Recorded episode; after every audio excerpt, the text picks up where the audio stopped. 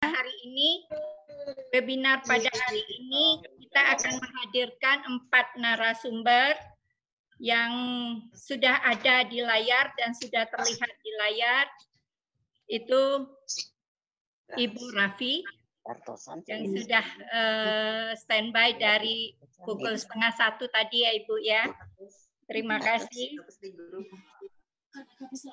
Dokter Ina juga dokter yang cantik juga sudah hadir dari tadi me, uh, dan menanti-nanti Ibu Retno juga di mana. Kemudian uh, Bapak Agung. Eh, Bapak udah hadir juga. Belum terlihat. Udah, udah, udah. lama. Uh, dan uh, Mas Edil ya dari Gapura Digital. Digital. Google. Ya, dari Google. Uh, terima kasih atas kesediaan semua hadir di dalam webinar ini. Kita di dalam webinar ini kita akan bicara karena situasinya semua dalam kerisauan tentang kesehatan, semua kerisauan yang sangat uh, menakutkan oleh setitik kuman yang mungkin kita tidak bisa lihat dengan mata uh, telanjang. Juga tahu-tahu kita sudah uh, tersandera oleh dia. Maka hari ini kita akan bicara tentang sehat dan herbal. Dan kita topik kita hari ini Topik uh, kita hari ini berkaitan memang dengan intinya sehat dan herbal yaitu pemanfaatan aneka herbal dan aromaterapi untuk mencegah stunting dan membantu mewujudkan Indonesia maju dan sejahtera.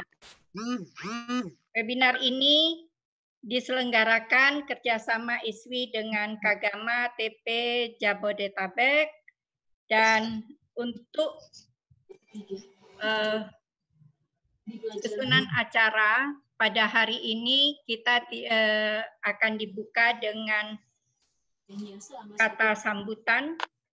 Ini pembukaan dan pembacaan doa oleh Bapak Widodo tetapi masih masih off ya, maka kita lanjut kepada langsung kepada sambutan. Diganti Pak Kamto saja. Uh, Pak Kamto sudah hadir. Sudah. Sudah. Pak Kamto memimpin doa pembukaan. Kita mulai kita mulai acara ini dengan mengucapkan basmalah dan kita harapkan Pak Kamto untuk bisa memimpin do mengawali webinar ini dengan doa. Persilakan Pak. Bismillahirrahmanirrahim. Assalamualaikum warahmatullahi wabarakatuh. Waalaikumsalam. Marilah kita memohon kepada Tuhan Yang Maha Esa agar acara kita pada siang hari ini berjalan dengan lancar, aman, dan tertib.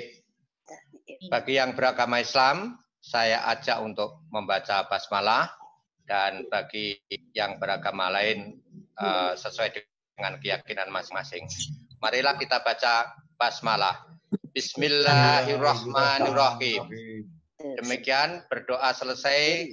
Assalamualaikum warahmatullahi wabarakatuh. Waalaikumsalam. Terima kasih Pak Sukamto sudah diawali dengan sesuatu yang yang baik karena semuanya diniatkan dengan uh, niat yang bersih ya Pak Kamto ya. Semuanya terima kasih. Uh, untuk yang pertama kata sambutan Bapak Albert Puhon belum hadir. Langsung Ibu Ketua Umum ISWI, Ibu Dr. Insinyur Retno Sri Endah Lestari MS PhD, kami persilahkan sebagai Ketua Umum ISWI dan juga merangkap keynote speech pada siang ini. Dipersilakan Ibu.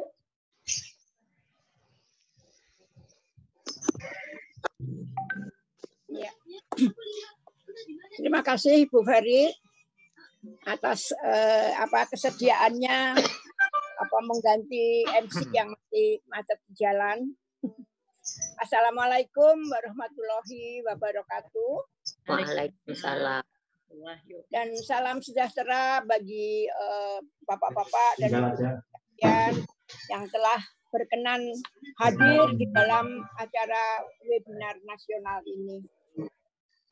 Uh, dan tak lupa juga kita panjatkan puji syukur kepada kehadiran Tuhan Yang Maha Esa karena atas rahmatnya jualah. Maka kita di pagi hari ini, eh, di siang hari ini kita bisa uh, berkumpul walaupun uh, melalui uh, maya, melalui online, lumayan masih bisa untuk obat kangen karena kita sebenarnya udah kangen mulai mulai bulan Januari kemarin kita tidak pernah bertemu. Dan sekarang kesempatan kita bertatap muka walaupun hanya uh, melewati melewati Zoom lumayan. Uh, Bapak-bapak dan ibu-ibu sekalian, kami uh, webinar pertama ini mengambil topik untuk kanggo ngiringan apa ini? Halo, tolong Bu host di di mute supaya nggak ribet. Uh, ya, topik daripada webinar ini adalah uh, pemanfaatan aneka herbal dan aromaterapi untuk mencegah stunting dan juga untuk membantu mewujudkan uh, Indonesia maju serta sejahtera. Uh, Pertama-tama yang terhormat Bapak Dr. Albert belum belum datang juga sampai sekarang. Uh, yang terhormat Bapak Dr. Insinyur Agung Hendriadi MN, Magister Engineering, yang nanti rencananya akan mempresentasikan tentang uh, kebijakan dan strategi percepatan penanggulangan stunting di Indonesia, khususnya di era pandemi ini. Kemudian nanti dilanjutkan eh, narasumber yang kedua, yaitu ibu kita yang cantik ini dan memang ekspertisnya di per, apa jamu herbal, yaitu ibu dokter dokter Ina Rosalina, eh, spesialis anak konsultan MKes dan MHKes.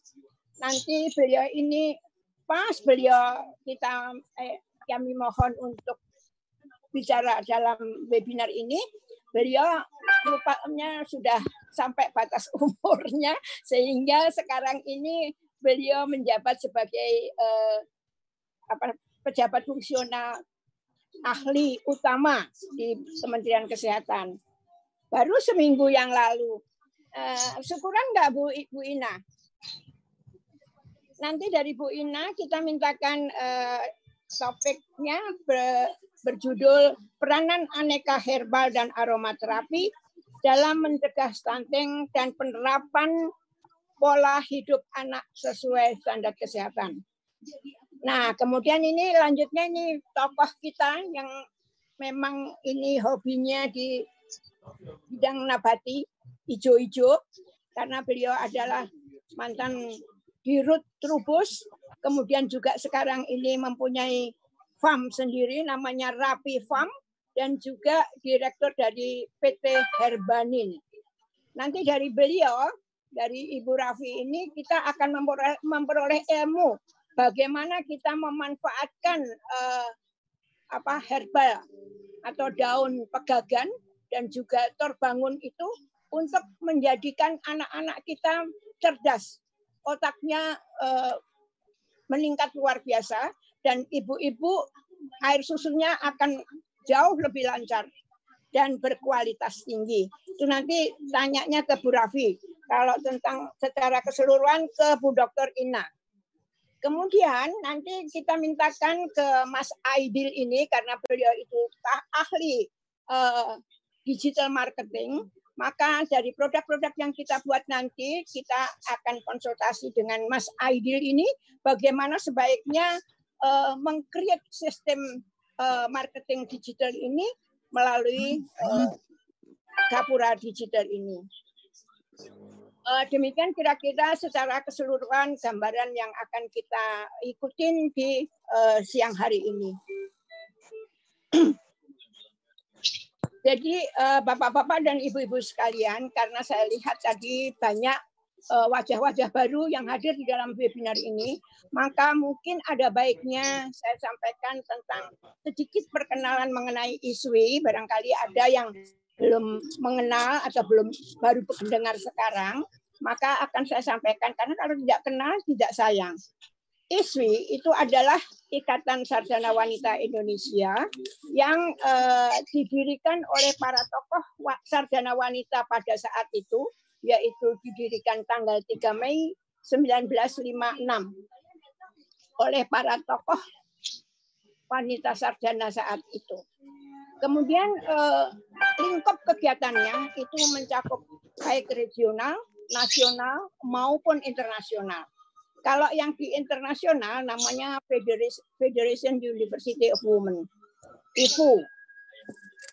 Nah, itu banyak sekali kegiatannya dan anggota yang tercatat sampai sekarang ini adalah uh, kurang lebih 6.000 orang.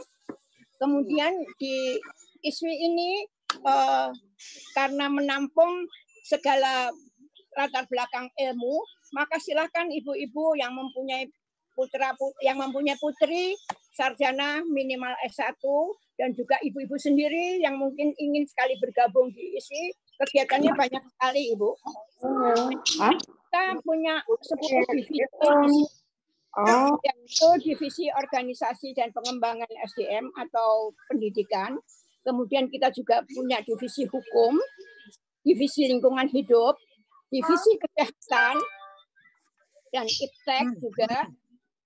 Kemudian uh, divisi ekonomi dan bisnis, divisi standarisasi dan diklat serta sertifikasi profesi. Nanti kita belajar tentang HKI, hak kekayaan intelektual, sekalian men, cara menstandarisasinya bagaimana dan sertifikasikannya bagaimana.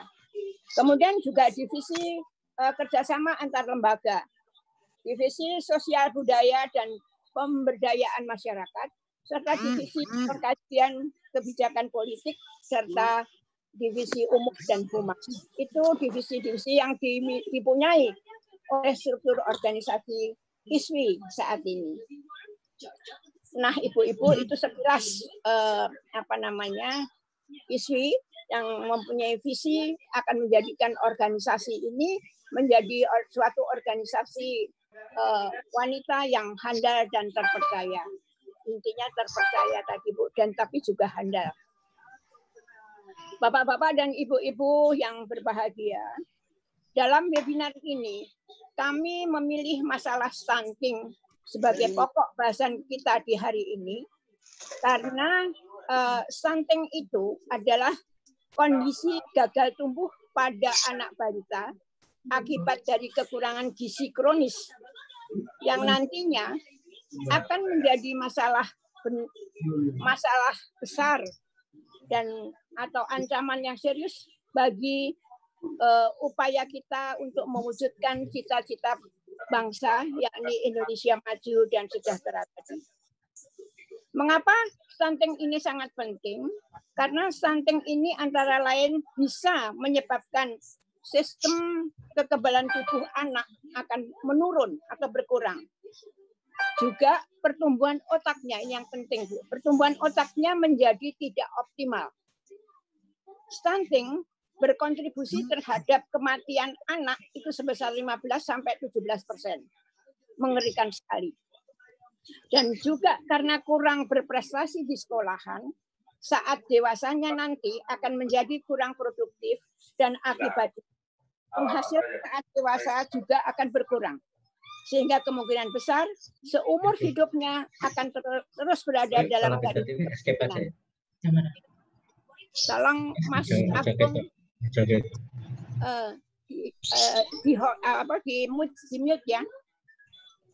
Kemudian selain itu juga akan kurang berkontribusi bagi pertumbuhan ekonomi keluarga maupun bangsa. Jadi secara komprehensif, stunting ini memiliki dampak pada menurunnya kualitas sumber daya manusia Indonesia, khususnya dalam hal produktivitasnya, serta terhadap daya saing bangsa. Oleh karena itu, stunting ini menjadi salah satu program prioritas pemerintah Jokowi sejak tahun 2015 sampai insya Allah tahun 2024 nanti. Pak Jokowi berharap pada akhir pemerintahannya nanti, yaitu pada tahun 2024 itu, jumlah stunting di Indonesia hanya tinggal 14 persen. Dari uh, tahun 2000, dari data tahun 2013 kemarin jumlah anak yang stunting itu masih tinggi 37,2 persen. Nah itu merupakan suatu uh, kegiatan atau suatu effort yang tidak eh, main-main, uh, sangat serius dan perlu kerja keras. Sampai saat ini, stunting masih belum menjadi permasalahan yang diperhatikan oleh masyarakat Indonesia pada tahun 2018 kemarin, kesehatan Kementerian Kesehatan menyatakan bahwa sebanyak tiga dari sepuluh anak Indonesia bertumbuh kerdil atau pendek dari standar usianya. Padahal jika Indonesia ingin bersaing dengan negara lain di dunia, masalah ini harus segera diselesaikan. Masalah stunting ini tidak hanya mengganggu pertumbuhan secara fisik atau bertumbuh bertubuh pendek atau kerdil, namun juga mengganggu perkembangan otak. Jika hal ini terus dibiarkan, akan dapat mengancam perkembangan anak-anak Indonesia, khususnya dalam pencapaian prestasi, produktivitas, dan kreativitasnya. Asesmen yang dilakukan pada tahun 2012 oleh OECD PISA dalam ranking tingkat kecerdasan anak di dunia.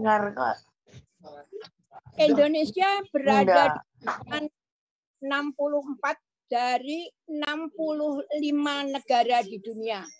Perhatian sekali Bu, sudah wah passing grade yang di bawah tapi Sedangkan ranking untuk urutan negara-negara di ASEAN Posisi Indonesia adalah sebagai berikut. Singapura berada di ranking 2. Vietnam ada di ranking 17. Thailand ranking 50. Malaysia 52. Indonesia ranking 64. Kasihan sekali. Sebagai langkah pencegahan, stunting menjadi salah satu prioritas nasional. Oleh karena itu, diharapkan Webinar ini nanti akan dapat merupakan suatu upaya sosialisasi atau sinergi yang baik antara pemerintah dan masyarakat sebagai upaya bersama memerangi stunting. Secara global, stunting berkontribusi terhadap 15 sampai 17 persen dari seluruh kematian anak di dunia walaupun mereka selamat, mereka nantinya akan kurang berprestasi di sekolah sehingga menjadi kurang produktif saat dewasanya. Saat ini, sekitar 8 juta anak Indonesia mengalami pertumbuhan tidak maksimal atau disebutnya stunting tadi. Artinya, selalu ada satu dari tiga anak Indonesia mengalami stunting. Nah, faktor penyebab stunting ini adalah multidimensi yang dimulai dari seribu hari pertama kehidupan. Ini harus waspada ibu-ibu muda yang mau hamil atau sedang hamil. Praktek pengasuhan yang tidak baik itu bisa menyebabkan timbulnya stunting itu. Contohnya mungkin kurangnya pengetahuan tentang kesehatan dan gizi sebelum dan pada masa kehamilan ibu-ibu. Dan juga 60% dari anak usia 0 sampai 6 bulan itu biasanya tidak mendapatkan ASI eksklusif karena sudah dicampur-campur mungkin karena ibunya sibuk. Jadi ASINya udah uh, separuhan dengan uh, apa sapi ya, dicampur dengan susu formula. Dan dua dari tiga anak usia 0 sampai 24 bulan tidak menerima makanan pengganti ASI. Kurang diperhatikan bukan tidak mampu ibu-ibunya, tapi kurang memperhatikan uh, komposisi makanan sehat bagi anak-anak atau balita tadi.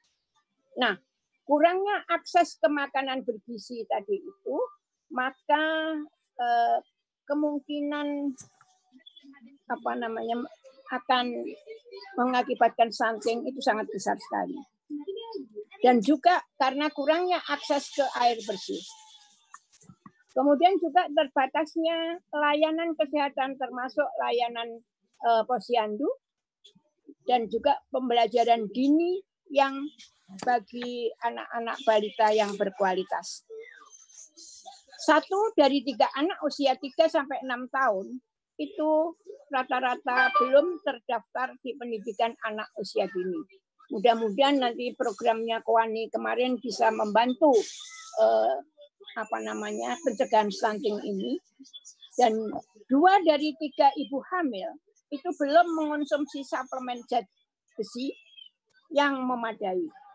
Juga menurunnya tingkat kehadiran anak di posyandu itu mendapat akses yang memadai untuk mendapatkan layanan informasi tentang kesehatan balita. Stunting ini memiliki dampak pada menurunnya kualitas sumber daya manusia Indonesia, produktivitasnya serta terhadap daya saing bangsa. Nah, bagaimanakah ini pemetaannya di dalam program pembangunan jangka pendek, menengah maupun panjang yang, yang ada di Indonesia? Itu adalah sebagai berikut. Dampak jangka pendeknya itu akan adanya terganggunya perkembangan otak, kemudian juga kecerdasan berkurang, gangguan pertumbuhan fisik, dan juga gangguan metabolisme dalam tubuh anak balita. Sama siapa?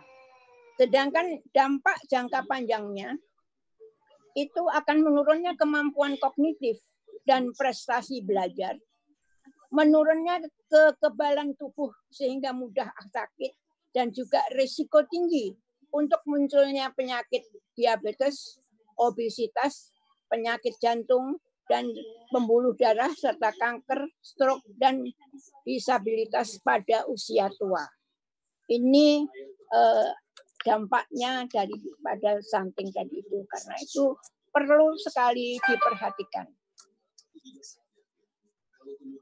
Stunting ini sangat dikhawatirkan karena stunting atau lebih pendek pada atau tumbuh lebih pendek daripada balita itu merupakan kondisi serius yang terjadi ketika seseorang tidak mendapatkan asupan bergizi dalam jumlah yang tepat dan dalam waktu yang lama. Adapun, adapun empat asupan kunci di periode emas anak ini adalah uh, terutama untuk anak usia 0 sampai 12 bulan masuk dalam periode emas atau masa ketika otak anak sedang mengalami perkembangan yang pesat. Untuk itu, orang tua harus memperhatikan benar-benar asupan kecukupan gizi anak.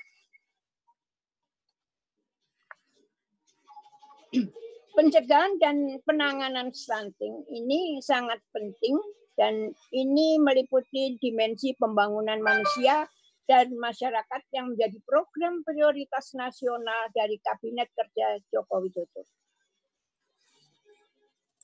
Ini yang seperti tadi harapan Pak Jokowi tahun 2024 nanti jumlah anak penderita stunting hanya tinggal 14 persen dari 37,2 persen di tahun 2013. Nah, tujuan pencegahan stunting ini salah satunya adalah uh, agar anak Indonesia dapat tumbuh dan berkembang secara optimal dan juga maksimal, memiliki kemampuan emosional dan sosial serta fisik yang siap untuk belajar, dan memiliki kemampuan berinovasi dan berkompetisi di tingkat global. Adapun tiga hal penting dalam pencegahan stunting ini adalah perbaikan terhadap pola makannya, yaitu gizi seimbangnya, perbaikan pola asuhnya, dan juga perbaikan sanitasi dan akses terhadap air bersih. Mencegah stunting melalui perbaikan pola makan atau gizi seimbang itu sangat perlu edukasi agar dapat mengubah perilaku yang biasa yang bisa mengarahkan pada peningkatan kesehatan gizi ibu dan anak agar dapat mencegah stunting. Dalam hal ini, istilah isi isi piringku itu perlu dipopulerkan eh, karena dalam hal ini maksudnya dalam satu piring makanan itu harus terdapat, harus terdiri setengahnya. Piring tadi itu diisi oleh sayur dan buah, dan setengahnya lagi diisi dengan sumber protein, baik protein dari nabati maupun hewani, dengan proporsi lebih banyak daripada karbohidrat. Rendahnya akses terhadap makanan dari segi jumlah dan kualitas gizi, serta sering kali tidak beragam. Istilah isi piringku ini dengan gizi seimbang perlu diperkenalkan dan dipopulerkan serta dibiasakan dalam kehidupan sehari-hari. Dalam satu porsi makanan harus terdapat setengah piring diisi oleh sayur dan buah-buahan, setengahnya lagi diisi dengan sumber protein dari nabati maupun hewani dengan proporsi lebih banyak daripada karbohidratnya. Komposisi makanan tersebut harus mengandung karbohidrat, protein, lemak, vitamin yang mulai dari A, B, C, D, dan K, serta mineral serta mineral yang terdiri dari kalsium, magnesium, zat besi, dan fosfor. Protein itu menjadi salah satu nutrisi yang penting untuk diberikan kepada si kecil. Karena nutrisi ini berfungsi untuk membentuk tulang, otot, dan juga antibodi untuk sistem kekebalan tubuh. Bahan makanan yang memiliki protein ini umumnya merupakan lauk pauk yang diberikan kepada anak-anak terutama saat MPASI. Mungkin para ibu lebih familiar dengan protein hewani yang terkandung pada daging merah, ikan, dan telur. Namun demikian, Anda juga harus menyeimbangkannya dengan protein nabati atau yang didapat dari tumbuh-tumbuhan atau herbal sehingga tidak mengandung kolesterol tinggi. Apa sajakah kiranya yang dimaksud dengan jenis protein nabati yang bisa disajikan untuk MPAC si kecil? Berikut ini adalah gambaran secara uh, kasar tentang nabati yang mengandung protein yang sangat baik untuk anak balita. Antara lain ini ada 15 macam yaitu uh, kacang kedelai, tahu, tempe, edamame, alpukat, buncis, kacang panjang, brokoli, jagung, kacang merah, kacang hijau, kacang almond, kacang polong, kelor, dan torbangun. Ini nanti detailnya eh, apa namanya akan dibahas atau akan dijelaskan oleh baik oleh Pak Agung, Bu Ina maupun Bu Rafi. Sedangkan jenis buah-buahan yang mengandung buah-buah dan sayur atau herbal tadi itu yang mengandung vitamin C berdasarkan rankingnya itu adalah sebagai berikut ibu-ibu. Jadi kalau ibu mau memberikan buah kepada putra putrinya, itu yang mengandung kalau uh, tinggal ditinjau kebutuhan vitaminnya seberapa banyak. Jambu biji itu akan mengandung vitamin C sebesar 419% per cupnya, Bu, per apa per gelas ya. Sin, strawberry itu mengandung 108 persen, brokoli, uh, bentar, jambu biji 419, paprika itu 211, kiwi itu 189, strawberries 108, strawberry 108, jeruk itu cuma 106 ternyata, pepaya cuma 98, brokoli 90, tomat 81, buah kaleng itu 59 dan yang paling rendah kacang kapri 42. Lainnya itu lebih rendah daripada ini semua. Demikian Bapak-bapak dan Ibu-ibu sekalian yang dapat kami sampaikan secara garis besar. Mudah-mudahan eh, ada untuk memberikan bayangan kepada Bapak-bapak dan Ibu-ibu sekalian betapa berperannya aneka herbal maupun aromaterapi itu untuk mencegah stunting dan mewujudkan cita-cita bangsa yakni me, me, apa, mewujudkan Indonesia maju dan sejahtera. Di sini banyak tokoh UMKM-nya, banyak dokter-dokternya, dan juga banyak tokoh ekonominya serta ahli marketing digitalnya. Jadi Ibu komplit eh, kali ini datangnya Ibu sehingga eh, apa mudah-mudahan webinar ini bermanfaat untuk diaplikasikan dan untuk menjaga putra-putri Ibu maupun cucu-cucu Ibu supaya tidak mengalami stunting. Akhirnya eh, saya apa saya cukupkan sekian pendahuluan saya dan Waalaikumsalam warahmatullahi wabarakatuh. Mungkin eh, apakah Pak Albert sudah datang? Halo, Pak Albert. Pak Albert. Belum. Belum datang juga. Belum terdengar hadir. Belum terlihat wajah. Bu Rafi, Bu Rafi ini yang apa Pak Albert? Bu Rafi udah hadir belum Pak Albert? Belum. Ya udah kalau gitu langsung masuk ke acara diskusi panel ya. Dan dengan ini uh, acara webinar ini secara resmi saya buka.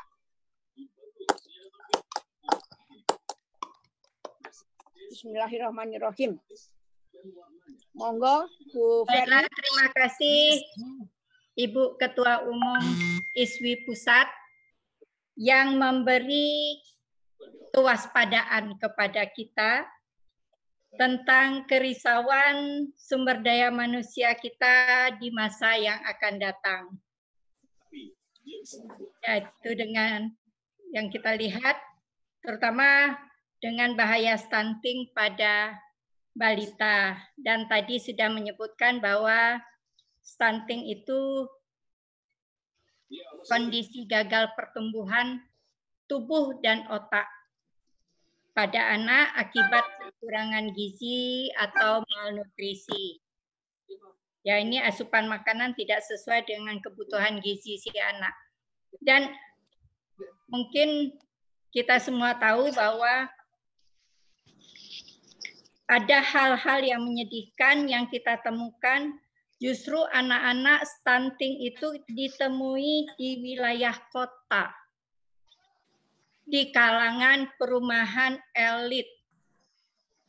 Itu juga eh, kenapa nanti narasumber juga yang akan menjawab apakah karena eh, begitu maraknya restoran junk food, begitu banyaknya uh, baby babysitter yang uh, yang siap atau yang kurang pengetahuan tentang nilai gizi atau ibu rumah tangga yang memang meninggalkan uh, buah hatinya dengan uh, apa tidak dengan bekal yang pengetahuan gizi yang cukup pada pengasuh-pengasuhnya. Baiklah, Bapak Ibu, acara webinar ini kita sudah uh, sudah dibuka oleh Ibu Retno, Ibu Ketua Umum ISWI, walaupun Bapak Albert Kuhon, Ketua Kagama TP Jabodetabek ya yang seharusnya menjadi narasumber juga pada menjadi keynote speaker pada siang ini tidak belum hadir atau mungkin masih masih berada di di dalam kesibukan yang lain.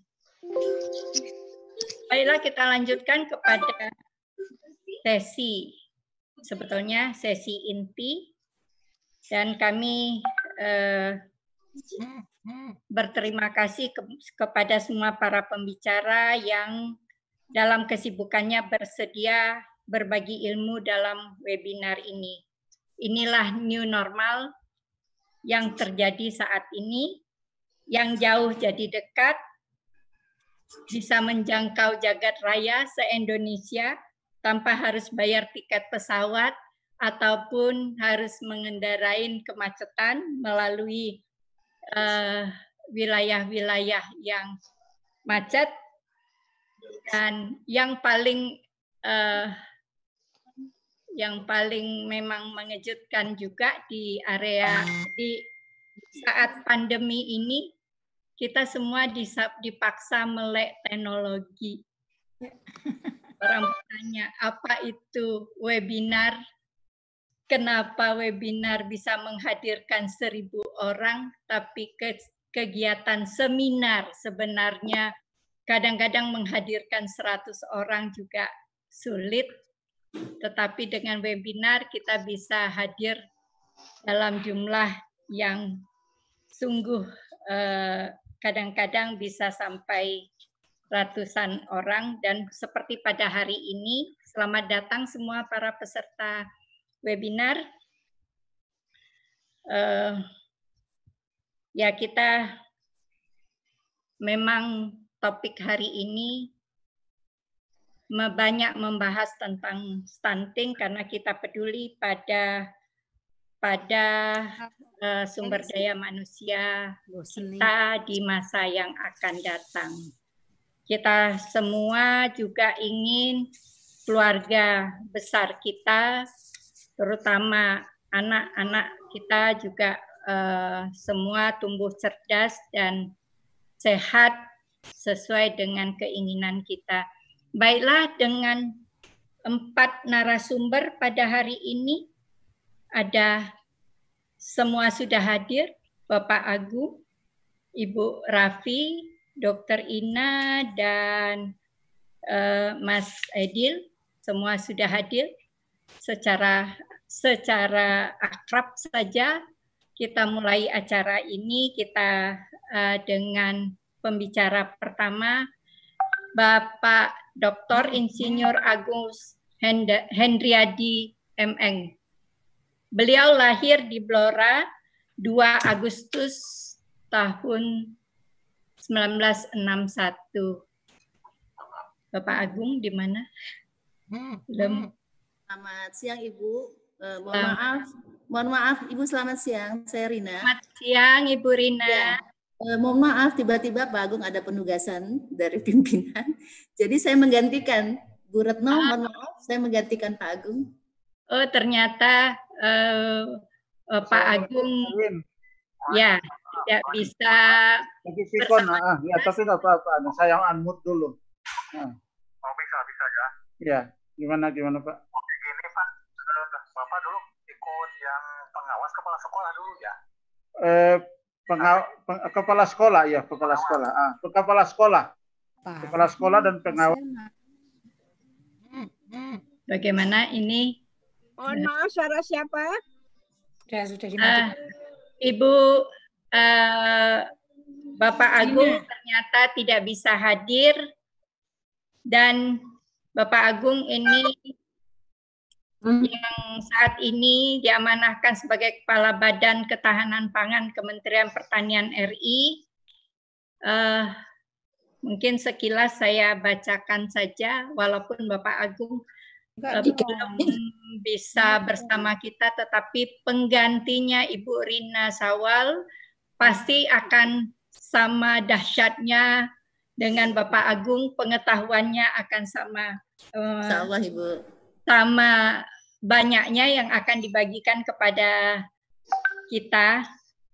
Ya, eh, Bapak Agung, eh, beliau memang memulai karir di Kementerian Pertanian dari tahun 89 sampai sekarang. Beliau menjadi Kepala Badan Ketahanan Pangan.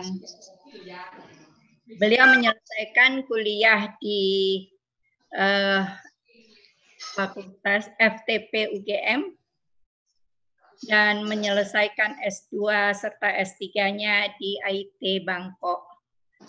Untuk hari ini Bapak Agung mendapatkan tugas sebagai narasumber untuk kebijakan dan strategi percepatan penanggulangan penanggulangan stunting di Indonesia khususnya di era pandemi COVID-19. Untuk itu penggantinya Ibu Rina, Ibu Rina Syawal, mohon maaf saya tidak bisa membacakan CV-nya karena mendadak belum ada uh, datanya. Boleh Ibu Rina langsung menyampaikannya uh, secara langsung. Silakan Ibu Rina. Terima kasih Ibu Ferry Hah? Seraya selaku moderator. Uh, mohon maaf, memang mendadak sekali. Jadi saya duduk di sini juga sangat mendadak. Uh, mudah-mudahan tidak mengurangi maknanya ya, Bu Retno. Uh, sudah lama ya, kita tidak bertemu. Ya, baik. Insya Allah. Uh, saya saya mencoba uh, men, apa namanya menyampaikan apa yang sudah dipersiapkan oleh Pak Agung kepada uh, Bapak Ibu sekalian di sini karena ini adalah warga Kagama ya jadi uh, salam dari Pak Agung tadi beliau sudah menyapa sebenarnya, tetapi karena memang tidak bisa meninggalkan pekerjaan yang lain, uh, saya diminta untuk duduk di sini di depan Bapak Ibu dan kebetulan kata Pak Agung ini memang uh, banyak ibu-ibu, jadi mungkin kalau Bu Rina tidak Bapak cocok juga karena yang peduli dengan stunting, yang peduli stunting kata katanya adalah wanita. Kenapa? Karena memang food holder itu adalah wanita, jadi mereka lah yang menentukan apakah bisa menyediakan makanan yang sehat untuk keluarganya atau tidak. Baik Ibu, uh, saya uh, mungkin tidak terlalu memperkenalkan diri karena uh, saya hanya mewakili saja. Uh, saya uh, adalah kepala bagian perencanaan di Badan Ketahanan Pangan. Uh, jadi saya mencoba menyampaikan apa yang disam, uh, sudah dipersiapkan untuk uh, materi.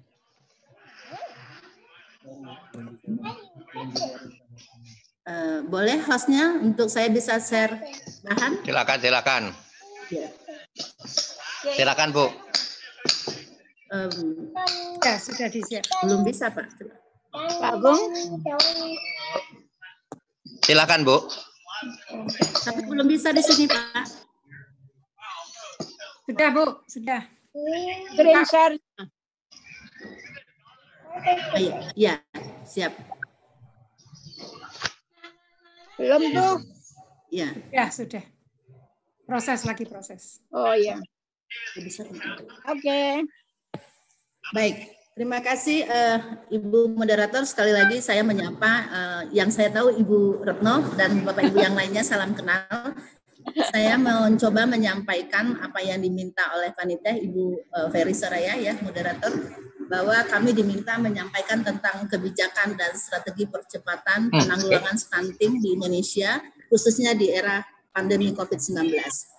Tadi uh, saya menyimak apa yang disampaikan Ibu Retno uh, bahwa memang Indonesia saat ini uh, mempunyai masalah yang seperti dialami oleh seluruh negara di dunia hampir ya uh, tentang kalau dulu disebut uh, apa namanya double bar dan malnutrition kalau sekarang sudah triple katanya ya triple wow. bar dan malnutrition jadi kalau kita lihat data di sini di dunia internasional ya angka stunting itu 22,2 persen balita di dunia, kemudian uh, untuk wastingnya ada sekitar 7,5 persen dan overweightnya 5,6 persen. Nah, bagaimana Indonesia? Bapak Ibu bisa lihat Indonesia juga uh, sama bahkan uh, eh, FAO pernah meluncing bahwa Indonesia itu hampir sejajar dengan Afrika untuk masalah triple bar dan malnutrition ya. Jadi meskipun kita sudah bangga lebih maju dari Afrika, ternyata kalau untuk masalah ini kita belum bisa bangga.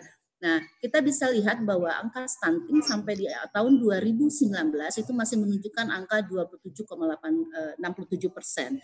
Ya, jadi ini adalah salah satu PR yang tadi disebutkan oleh uh, Ibu Retno bahwa Presiden sangat uh, mempunyai komitmen yang tinggi untuk bagaimana secara bersama-sama bergandengan tangan kita untuk bisa menurunkan stunting ini.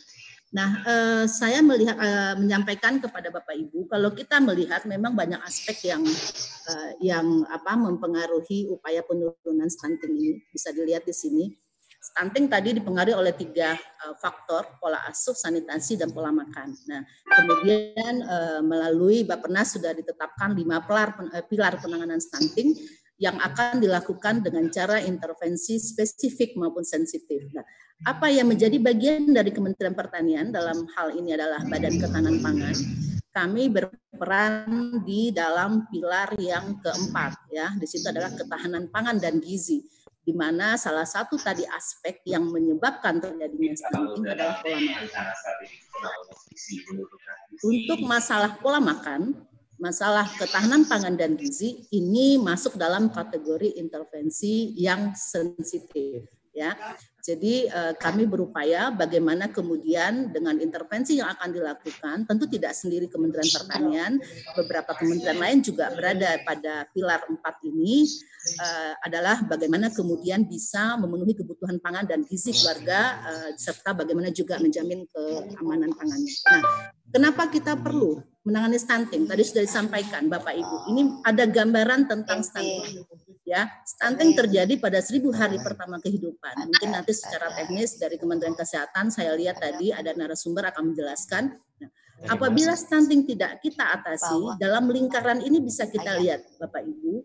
Nanti pada waktunya, pada masanya nanti penduduk usia produktif ya di usia 15 sampai 64 tahun itu akan menanggung beban ya, menanggung beban lansia dan stunting. Ini akan berat sekali. Jadi ini akan menjadi tanggung jawab sosial bagi masyarakat dan tentunya belanja pemerintah akan besar dalam hal ini. Karena itu makanya seribu hari pertama kehidupan ini benar-benar harus kita perhatikan agar bisa terjadi pencegahan stunting. Dari sisi ketahanan pangan, Bapak Ibu, ya apa yang mesti kita lakukan untuk melakukan penguatan ketahanan pangan? Ada tiga aspek dalam ketahanan pangan. Yang pertama adalah ketersediaan pangan, di mana di sini kita harus bisa meningkatkan produksi pangan yang beragam, bergizi, seimbang, dan aman. Kalau kami mengatakan itu adalah B2SA. Tadi Ibu Ketua, Ibu Retno sudah menyampaikan bagaimana kita bisa menyediakan makanan yang gizi seimbang, tidak hanya sekedar kenyang Kemudian dari uh, aksesibilitas, kita juga bagaimana kemudian pangan ini bisa kita dekatkan kepada konsumen. Jadi artinya meski pangan tersedia, apabila kemudian uh, konsumen atau rumah tangga juga tidak bisa mengakses dengan baik, tentu berpengaruh kepada asupan yang uh, mereka uh, apa namanya penuhi. Dan yang terakhir adalah dari aspek pemanfaatan pangan. Jadi bagaimana kemudian makanannya itu tidak sekedar kenyang. Tadi disampaikan Ibu Moderator, kok bisa ada yang stunting pada eh, masyarakat yang berekonomi bagus ya, orang kaya di perkotaan. Ini mungkin pada aspek pemanfaatan. Jadi mereka tidak mengkonsumsi makanan yang bergizi, tapi lebih kepada makanan dengan mungkin style yang sekarang lebih yang junk food gitu ya, yang eh, instant food. Nah, sehingga kemudian berpengaruh.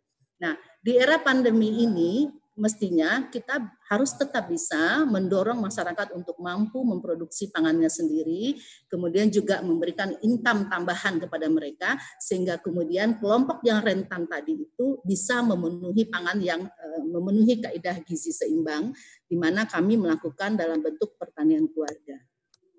Nah, saya coba lihat Bapak Ibu ya, kami sudah berusaha untuk mencoba menangani secara terintegrasi.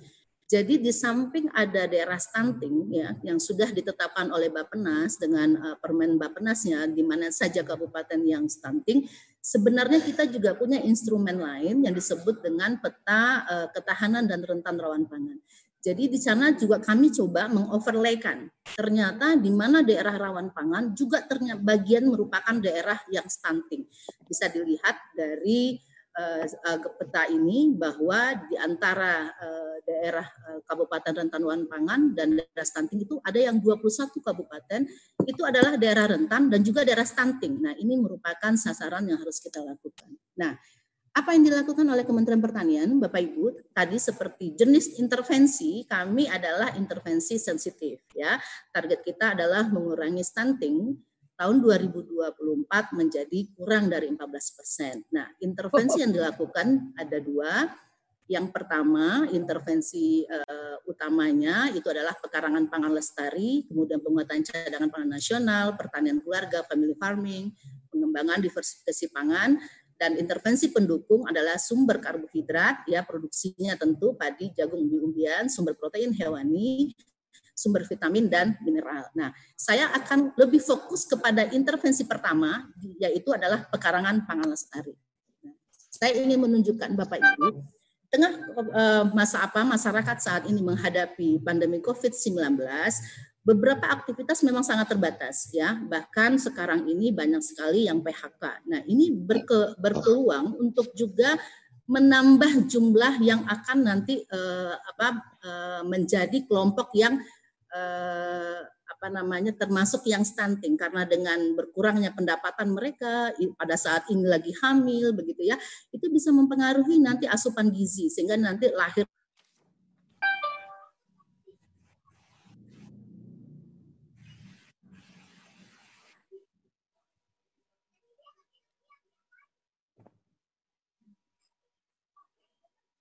Enggak kedengaran suaranya. Hilang suara anu gambarnya Narasumber hilang suaranya.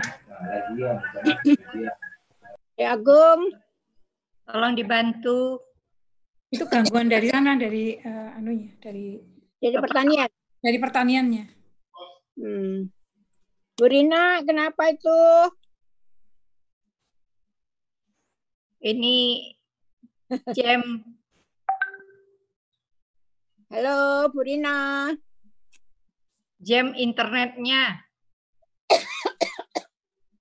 Ini kelemahannya kalau uh, ini ya, uh, apa namanya? Banyak sekali organisasi yang tidak menyadari bahwa bukan sekedar rencana kerja atau program kerja. Mungkin sambil ini ngisi apa perbaikan daripada ini jaringannya. Uh, tadi saya lupa uh, menyampaikan terima kasih kepada Ibu Melani yang uh, beliau ini adalah wakil ketua MPR MPR berapa ya Bu ya wakil berapa ya Matur nuwun sekali Ibu sudah uh, apa namanya um, memerlukan untuk hadir di dalam uh, webinar ini untuk memenuhi undangan kami. Semoga lain kali kita uh, akan minta Ibu sebagai narasumber ya Bu. Dan ini nanti tolong kami apa namanya uh, dikomentarin kira-kira uh, bagaimana nanti untuk webinar-webinar selanjutnya lebih baik. Terima kasih. Saya Jadi uh, mulai minggu depan kita akan coba Halo Pak Widodo, ya. ini nanti ada satu mana? Pak Widodo. Bagaimana melakukan retrospektif, bagaimana uh, membuat list objektif. Nggak dengar Pak Widodo. Juga dibalik tengah fokus fokusnya terkait dengan agility. Agility itu adalah sebuah Bu Rina sudah tersambung belum? Agility itu adalah bagaimana kita bisa tetap adaptif, bisa uh, Selamat siang Bu Lestari. dilakukannya. Kamu parkir di mana? Salam untuk Bu Melani. Bu Melani dulu kan kuliah di Ganesha ya. Iya. Salam, ini masih ingat saya enggak? Ingat. Maaf Kak, sudah lupa. Iya Bu Melani bilang aja udah lupa Bu, nanti dia kesenangan. ingat ingat. Enggak mungkin dong lupa sama saya, Bu Melani. Kamu ke mana? Tugasnya berdoa kok nggak nyampe-nyampe. Oh, wis melaku kok, udah jalan nanti doa doa penutup. Ya, doa penutup nanti. Ya wes penutup ya. Oke. Okay. Bu Rina, Bu Rina udah nyambung apa belum? Apa bisa dengan saya dulu nggak Bu? Ya, boleh. Karena hemat waktu. Bapak, karena mungkin ada ada masalah dengan dengan internetnya Bu Rina Jadi Kita banyak sekali. lanjut saja kepada Dokter Ina supaya waktunya bisa berjalan dengan cepat. Dokter Ina yang cantik sudah menunggu kita di depan Iya. dan eh, dan Dokter Ina ini dikenal juga dengan eh, dokter anak yang peduli pada pada eh, apa ya Herbal. pada herbal Ya, bagus. pada Iya. herbal dan beliau ini orang Bandung nih atau memang Iya. kuliahnya menamatkan pendidikan dokter di di FKUP Bandung tahun 86 kemudian eh, melanjutkan pendidikan dokter spesialis anak di tempat yang sama dan menjadi eh, konsultan gastropatologi pada tahun 2004 di samping itu beliau juga menyelesaikan pendidikan S3 beliau di Fakultas Kedokteran Unpad. Nah, ini beliau magister kesehatan di Unpad tetapi juga magister hukum kesehatan. Jadi yang berkaitan itu ya Dokter Inaya. Iya. Saat ini beliau pernah menjadi direktur pelayanan kesehatan beberapa waktu yang lalu.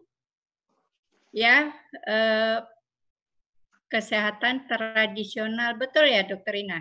Iya. Oke, Betul. saat ini beliau ditugaskan sebagai pejabat fungsional ahli utama di Kemenkes.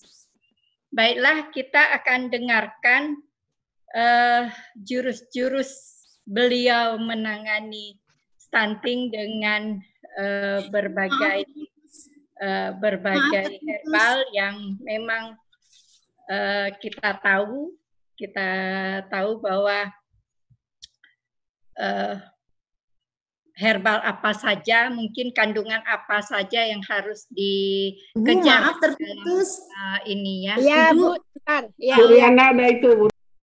Bu Rina udah Bu Rina selesai. sudah datang itu, Bu. Ibu Rina Retno. sudah datang. Soraya, Bu Rina. Mungkin diberi waktu sampai berapa? Iya, Bu. Eh, Bu Retno, Iya, ya. Bu Retno, Iya. Bu Retno, ini barusan saya dapat telepon dari Kementerian Pertanian. Tadi terputus, sekarang ma- masuk lagi katanya, lanjut gitu. Ya, silakan. Jadi ini bagaimana maaf ini eh, kita tadi sempat terintrup ya Bu Rina karena sempat terintrup jadi mau dialihkan ke dokter Ina. Namanya hampir sama tetapi kita kembalikan lagi ya Bu. Ke Bu Rina lah. Ya, silakan Bu silakan. semuanya kembali ke Dari Kementerian Pertanian sudah masuk, ini kembali ke Ibu Rina. Mohon bukan Ibu Rina, itu Pak Agung. Oh, Pak Agung. Iya. Ya, Pak Oh, Agung, ya tapi udah, monggo. pakai Narina. Oke, ya. Ih. monggo. Bukan ini Pak Agung tuh. Iya. Ya, ya, ya. Mohon maaf. Ini mohon maaf Monggo, ini Bu. Jaringannya tadi. Ya, masih kurang bagus, eh, Mbak. Tolong dibuka, Bu Rina. Kementerian Pertanian masih kurang Masih bagus tertutup. sinyalnya. Masih terputus. Bu Media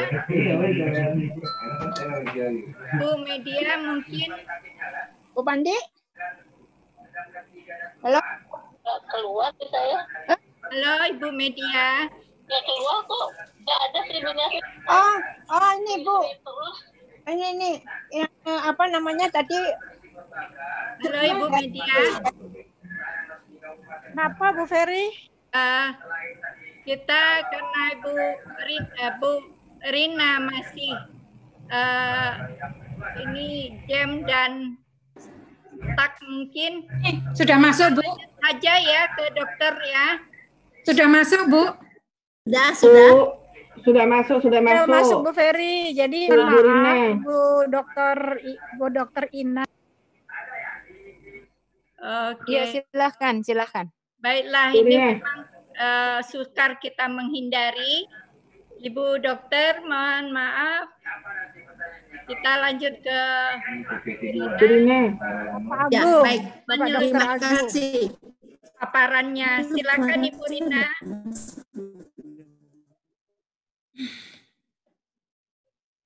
Lanjut Ibu Rina, silakan. Pak Agung. Pak Ya. Agung, Pak Dokter Agung, monggo Baik, Ibu, suara saya sudah bisa didengar ya? Sudah. Ya, baik. Ya, Eh, ya, jadi saya lanjutkan masuk. Ibu tadi Ya. eh, dengan pekarangan kali ini kami mengajak masyarakat untuk menanam pangannya di pekarangan sendiri ya di pekarangan sendiri dengan menanam berbagai jenis tanaman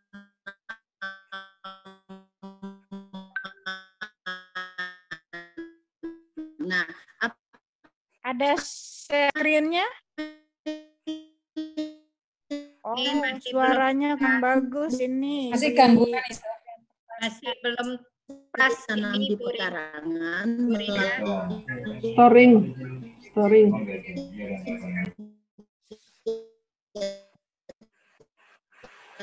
pekara- pekarangan pe- Suaranya terputus-putus. Ya. hari adalah kita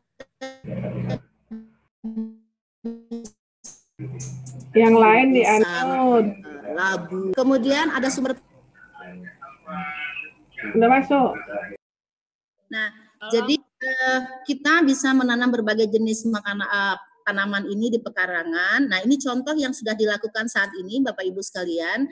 Eh, Masyarakat yang sudah mendapatkan bantuan ini melakukan pertanaman mulai dari sayur-sayuran tadi, ada buah-buahan dan juga herbal. PowerPoint-nya nggak kelihatan, Bu Rina. Ya, Bu. PowerPoint-nya nggak kelihatan. Oh, PowerPoint-nya nggak kelihatan ya, Bu? Ya, sebentar. Iya.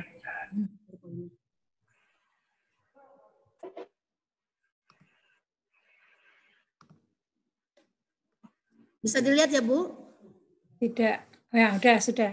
Sudah ya. Nah, ini adalah beberapa jenis tadi yang saya sampaikan, beberapa jenis sumber pangan ya, berdasarkan sumber gizinya, sumber karbohidrat, vitamin, mineral, protein maupun juga tanaman herbal. Nah, ini adalah contoh yang sudah dikembangkan oleh masyarakat saat ini di pekarangan masing-masing. Mereka bisa memanfaatkan untuk bagaimana menyediakan pangan yang bergizi termasuk juga herbal ya.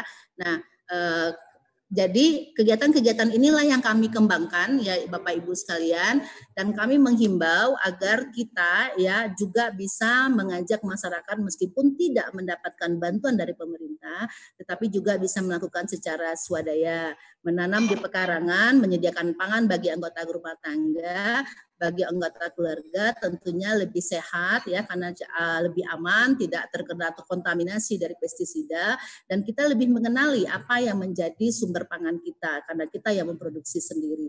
Mungkin itu yang bisa saya sampaikan Bapak Ibu. Terima kasih. Mohon maaf karena beberapa kali terputus ya, mungkin agak menyita waktu.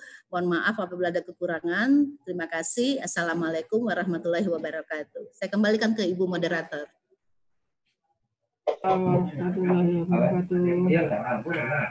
Waalaikumsalam, Bu. Nah, bagus banget itu. Ah, namanya kerongnya mau dong. Nanti dikirim Bu. Nanti saya kirimin foto yang Materinya lebih ya, bagus. dikirim ya. Iya Ibu. Nanti foto-fotonya ada yang lebih Materinya, bagus. Bu. Untuk peserta semua. Ya. Ya. Oke, bisa dilanjut Bu Ferry. Ya, saya kembalikan ke Ibu moderator. Bu Ferry. Kemu- eh, nanti lanjut Ibu Dr. Ina ya.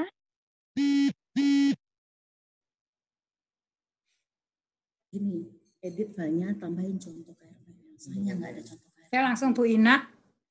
Bu Iya. Dr. Ina. Baik. Ya. Bu Dr. Baik, terima Ina, kasih. Monggo, silahkan. Ya. Eh, terima kasih Ibu moderator. Eh, terima kasih juga kepada ke Ibu Ketua Dr. Retno dan ibu-ibu sekalian, Bapak Ibu sekalian, mohon kena- eh, salam kenal.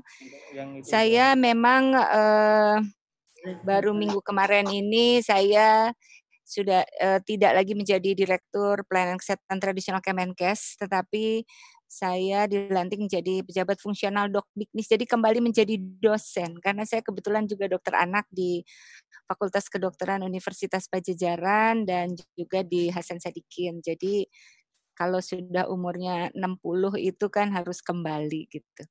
Tapi kebetulan ini adalah hal yang sangat berhubungan dengan saya sebagai dokter anak gitu. Jadi saya langsung share aja eh, paparan saya mengenai peranan aneka herbal dan aromaterapi dalam mencegah stunting dan penerapan pola hidup anak sesuai standar kesehatan. Jadi ini karena saya selama bertahun-tahun juga menggeluti herbal eh, atau cara tradisional yang sangat baik untuk eh, kesehatan kita dan juga saya sebagai dokter anak yang menekuni bagaimana cara mencegah stunting karena awalnya ini kita harus mena, uh, harus memperbaiki di tentu pada saat belum menjadi seorang anak gitu ya. Jadi kalau kita lihat saya tentang herbal dan aromaterapi. Jadi apa itu herbal?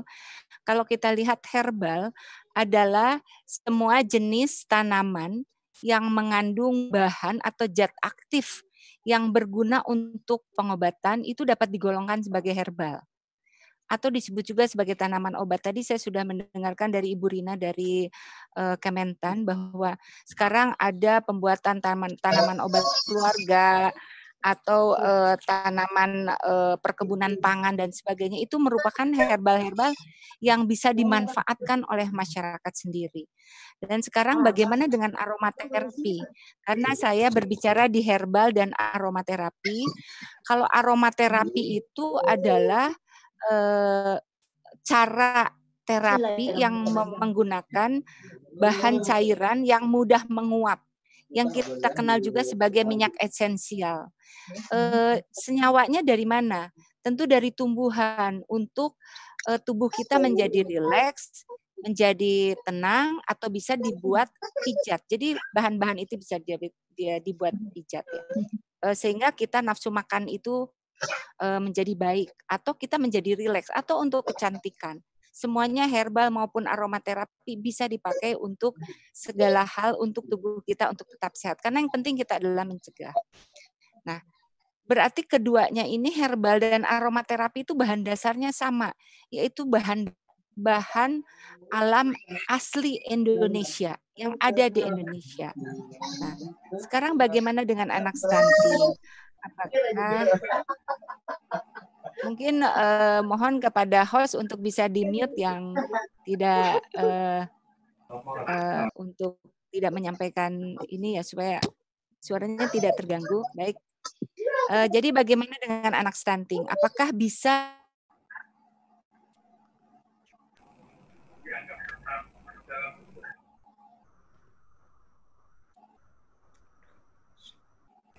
Nggak kedengaran suaranya.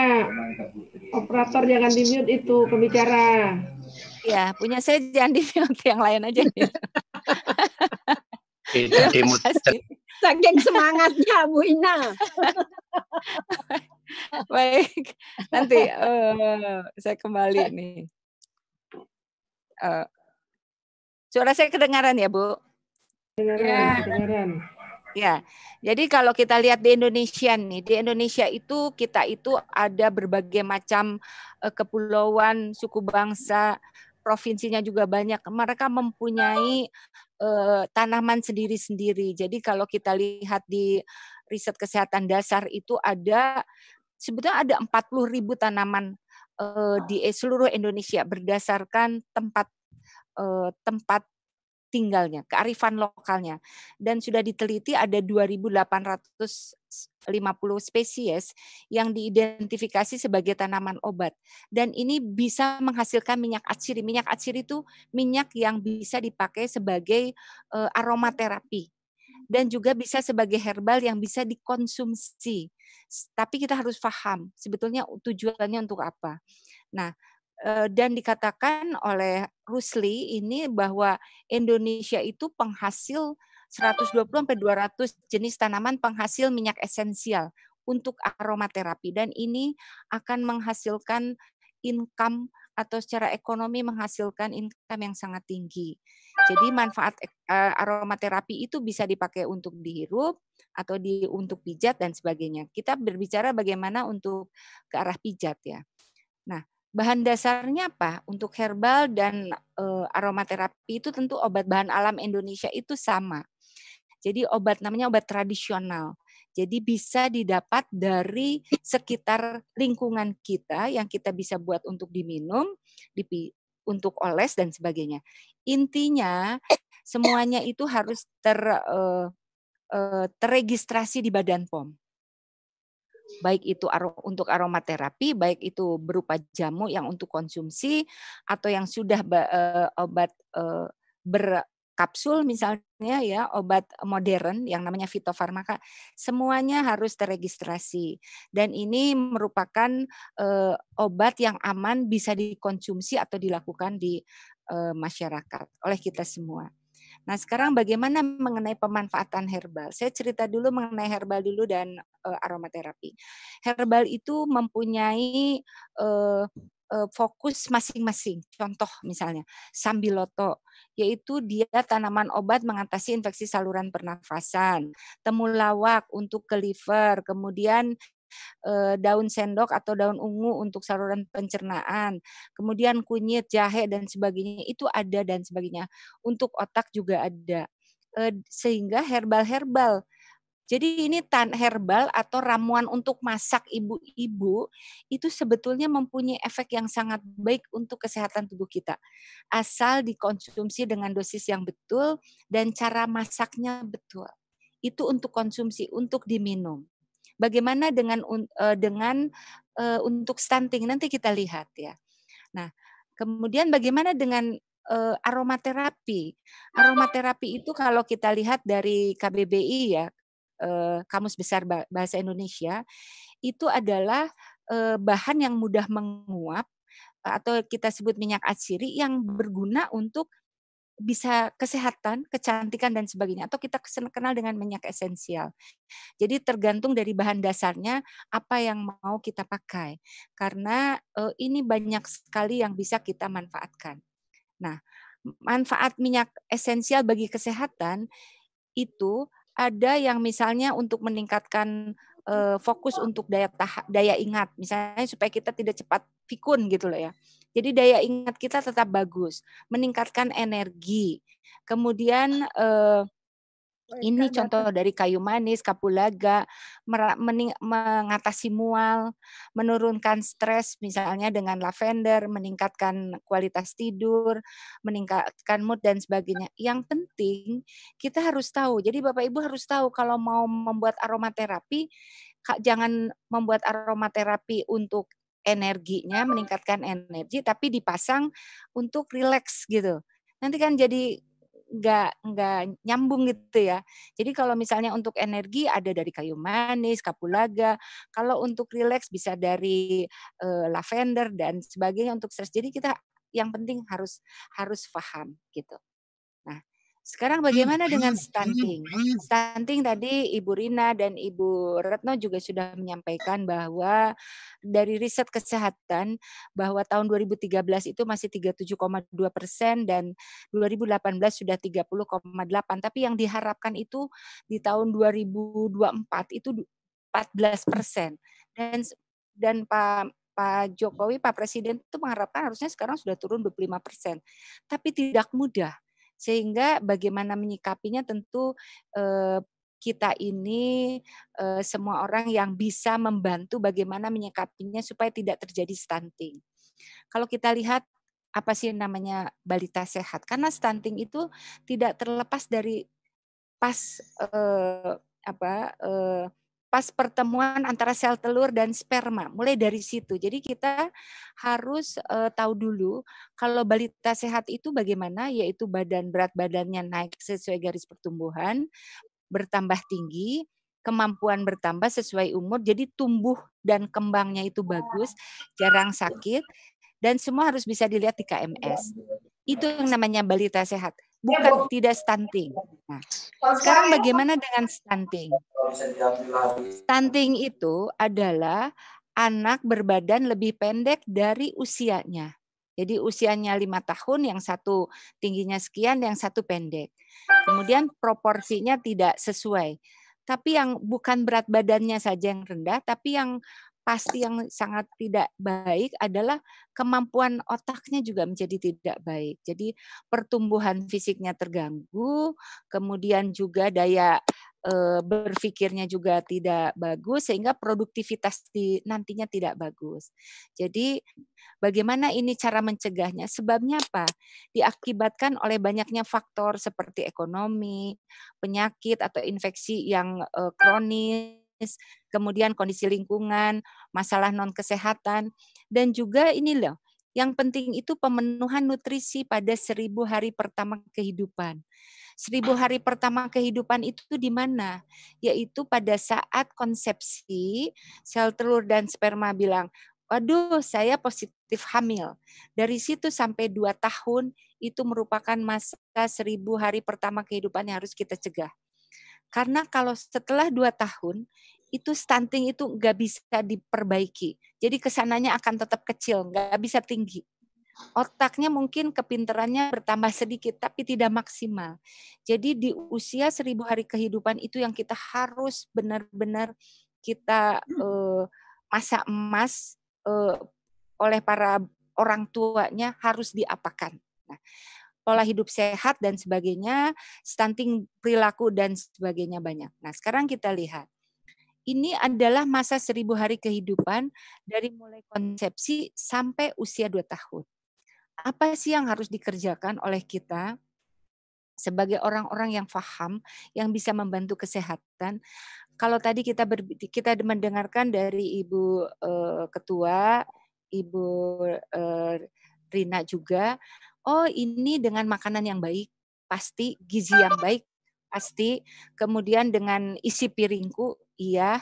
Nah, saya akan berbicara dari berbicara dari sisi lain karena ada cara tradisional yang sangat bermanfaat di hari seribu hari kehidupan ini, yaitu bisa dengan uh, ramuan tadi herbal, bisa dengan aku aromaterapi, bisa dengan aku presur keterampilan, atau dengan pijat bayi yang bisa dimanfaatkan di seribu hari kehidupan.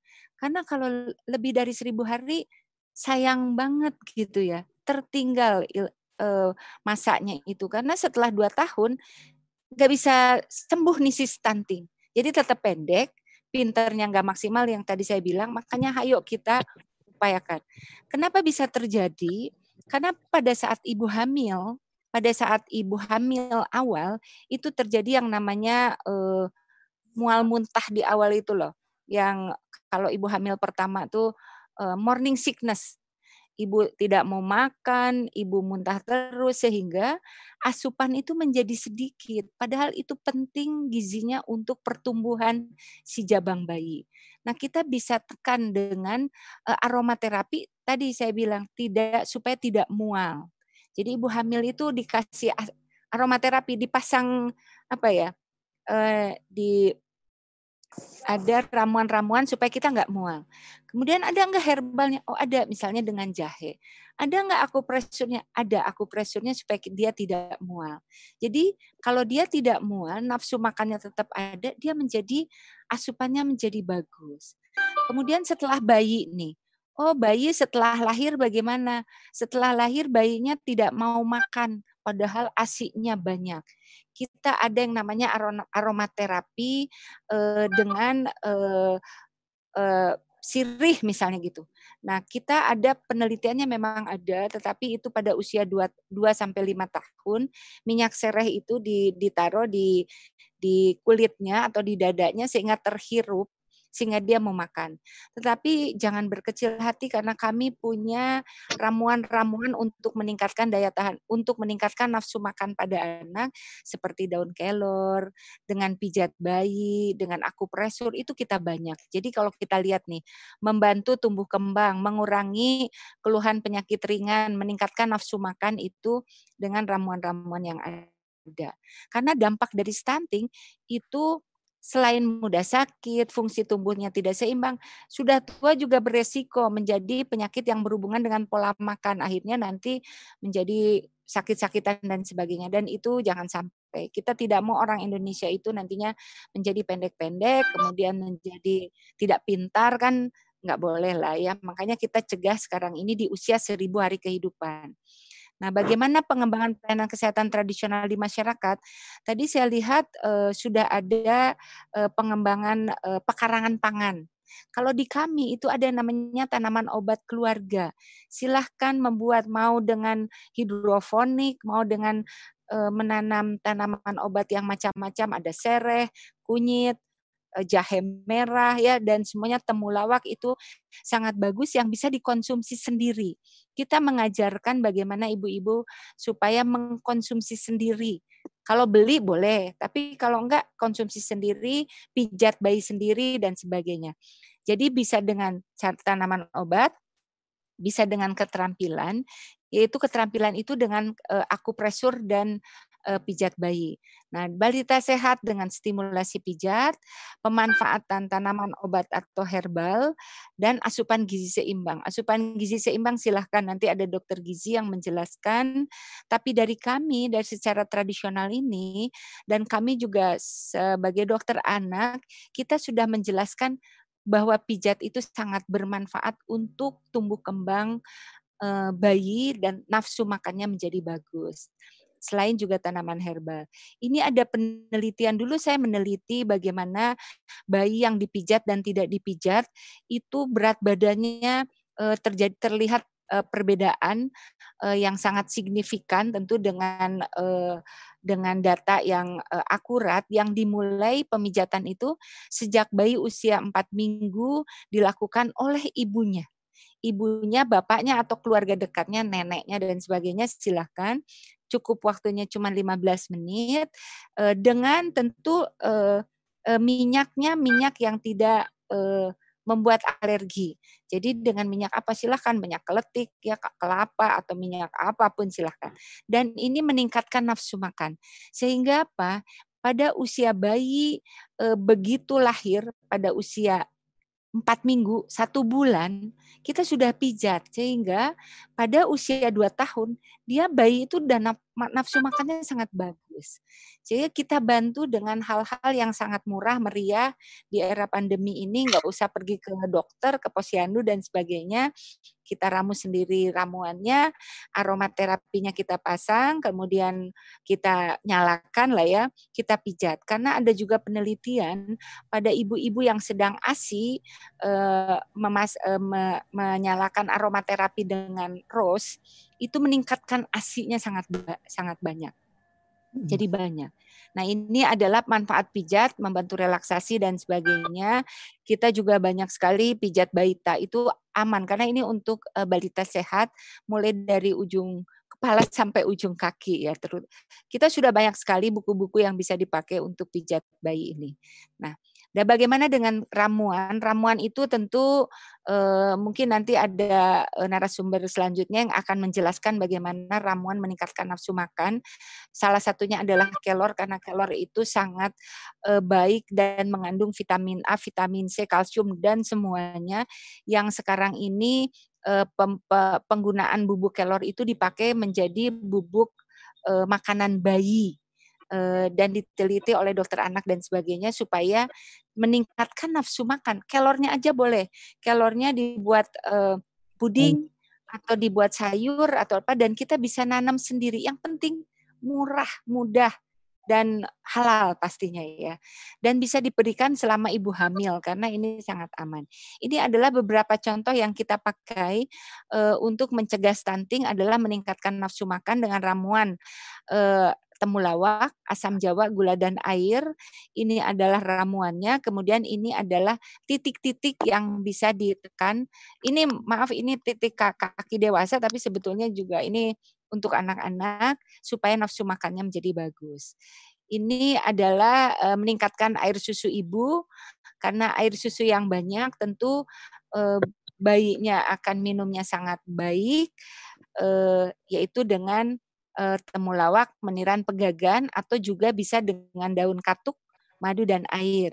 Dan juga kita ada uh, akupresurnya, tekanan-tekanan di titik-titik tertentu supaya asinya tambah.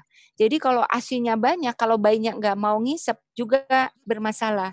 Makanya bayinya juga kita kita pijat, kita akupresur dan kita juga kasih ramuan kelor. Jadi kita uh, dua-duanya kita lakukan karena mungkin saja bayinya asinya ibunya banyak, bayinya nggak mau, bayinya mau asinya nggak ada gitu ya. Jadi semuanya bisa semuanya bisa kita lakukan. Dan tentu aromaterapi itu yang tadi daun serai itu ada penelitiannya e, dioleskan pada dada, kemudian tangan sehingga bayi itu menghirup nafsu makannya menjadi baik ya. Nah, ini saya, saya dapat dari Ibu Prapti. Jadi jadi sebetulnya kalau kita menggunakan mau herbal, mau aromaterapi, mau apa pun, kita harus tahu jenisnya apa yang mau kita pakai. Tujuannya untuk apa? Untuk relaksasi, untuk supaya kita nggak pikun atau supaya nafsu makan atau supaya apa kita harus tahu manfaatnya harus tahu Kemudian takarannya bagaimana? Karena kalau kita untuk anak-anak, kalau herbal, untuk dewasa tentu sebesar kalau kita pakai aturan itu ibu jari. Jadi e, ibu jari orang itu kalau anak kecil pasti ibu jari anak kecil ya untuk ngeramunya ya. Kemudian jadwalnya, waktu memanfaatnya kapan dan cara mengolahnya. Karena herbal itu tidak boleh di, dipasak dengan uh, tidak boleh di, direbus dengan uh, aluminium ya, harus dengan stainless atau dari batu. Jadi semuanya ini harus di, di, diperhatikan betul ya. Nah ini ada bahan promosi edukasi eh, dalam bentuk flyer di kami di Kemenkes untuk stunting eh, dengan pemanfaatan toga dan akupresur kita sudah sebar bagaimana caranya supaya mencegah stunting. Tapi intinya harusnya dipakai sebelum usia 2 tahun. Kalau setelah usia 2 tahun eh, ya nggak apa-apa, cuman bukan mencegah stunting karena kita kan harus mencegah stunting. Artinya gini, kalau bayi lahir 2,4 kilo, biasanya 24 kilo, 2,4 2, setengah kilo atau misalnya 3 kilo dengan panjangnya 50 cm, belum tentu loh nggak jadi stunting karena tergantung dia nanti makan perawatannya bagaimana asinya bagaimana nah kita harus usahakan seribu hari kehidupan itu kita tetap baik Nah, ini adalah bahan promosi edukasi, ramuan meningkatkan produksi ASI, meningkatkan daya tahan tubuh dengan asuhan mandiri. Asuhan mandiri bisa dilakukan oleh kita masing-masing. Mungkin itu dari mungkin itu saja dari saya. Mudah-mudahan hmm, Ibu Bapak Ibu sekalian bisa uh, uh, paham bahwa stunting itu yang penting mencegah sampai jangan sampai kelewat dua tahun baru kita lakukan pencegahan nggak bisa kalau sudah dua tahun nggak bisa lagi dicegah. Jadi sayang nanti tetap pendek gitu loh ya. Jadi kita seribu hari kehidupan tetap uh, usahakan. Kalau yang sudah lewat dua tahun nggak apa-apa kita tetap gizinya usahakan supaya tetap dia makannya menjadi baik ya. Mungkin itu dari saya Ibu moderator. Terima kasih. Uh, wassalamualaikum warahmatullahi wabarakatuh. Waalaikumsalam warahmatullahi wabarakatuh. Wah, materinya membuat kita semua terbuka mata. Dan semua memberi note, tolong dong materinya dikirim oleh via WA dan lain-lainnya. Mungkin dokter Ina boleh berbagi ya. Dan ya, saya via chat, via chat ya Bu. Saya kirim via chat ini ya. Boleh Bu. Bisa bisa. Ya. Bapak. Ya. Pak, materi Bapak, Bu. Rina tadi diharapkan oleh peserta semua. Oke, okay, kita lanjutkan. Uh, ya, tadi kita bisa lihat ya berkat herbal dan aromaterapi kita semua tidak kita semua pangling dokter Ina ternyata sudah usianya lebih dari 60. Awet muda. 60. 60. Nah, tuh awet muda loh. Bahan, bahan alam Indonesia juga bisa membuat kita tetap cantik di usia bisa lanjut ya. Ya ya itu, ya. Itu bekas herbal dan aromaterapi. Ya, anaknya di ya. uh, tidak stunting, yang udah tua dibuat tetap cantik ya. Ya dan bugar. Ya, resep herbalnya bolehlah dibagi-bagi untuk kita yang rata-rata kita di ISWI ini eh, yang sudah pada pensiun ini.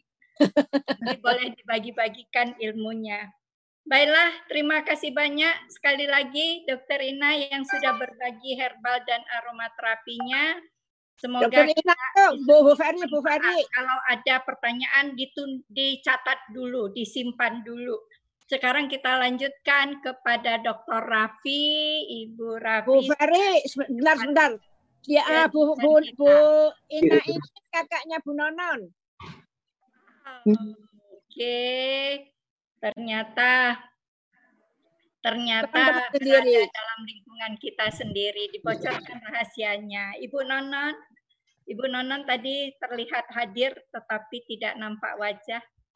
Baiklah kita lanjutkan kepada Bu Raffi, tapi Ibu Ketum dan Ibu Bapak host jadwal kita ini tidak konsisten ya kita sudah mulai telat kemudian di dalam pembicaraan juga kita sayang kalau dipenggal-penggal karena materinya semua bagus apalagi yang di depan kita ini sekarang apa yang dia akan disampaikan Ibu Raffi beliau ini berangkat.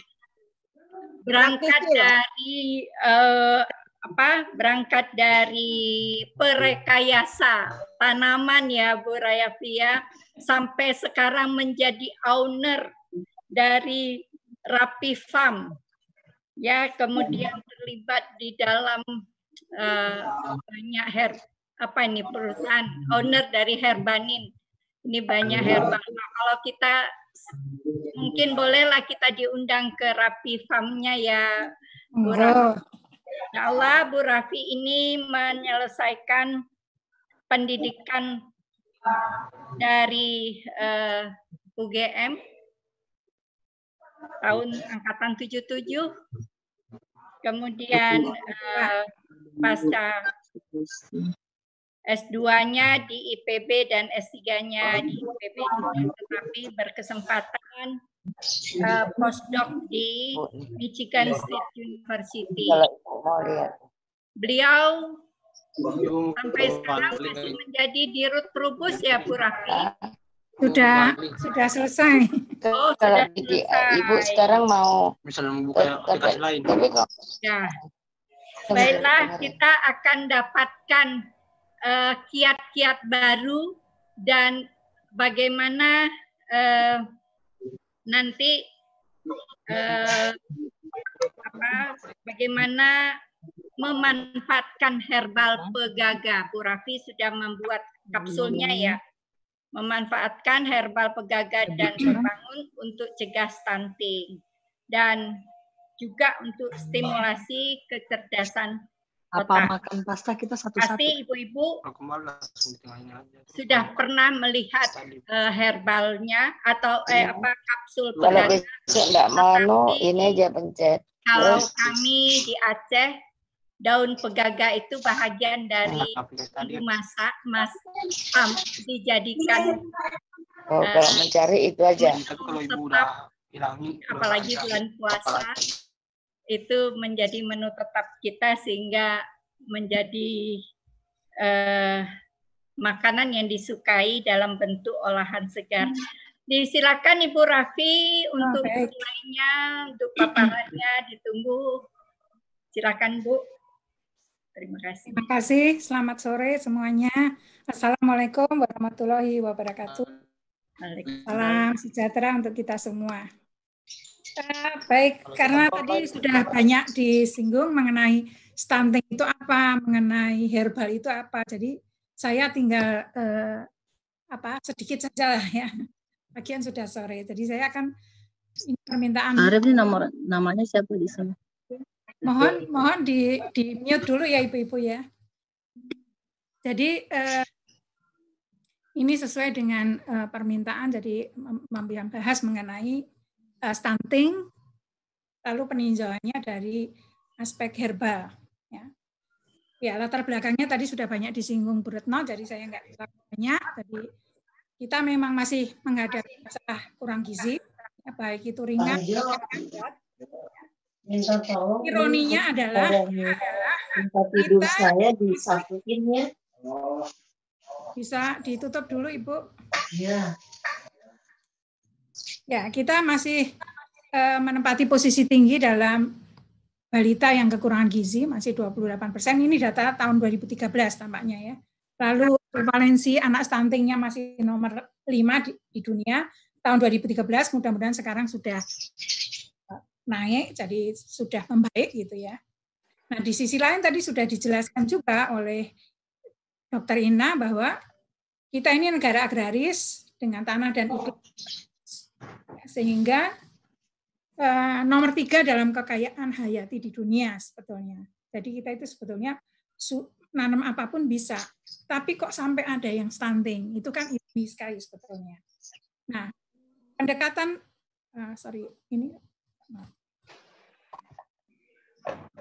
pendekatan eh, saya mungkin sedikit berbeda karena saya praktisi ya dalam hal ini, jadi saya melihat apa-apa itu lebih lebih ke fokus gitu. Jadi eh, Ya, lihat kenapa sampai terjadi kurang gizi.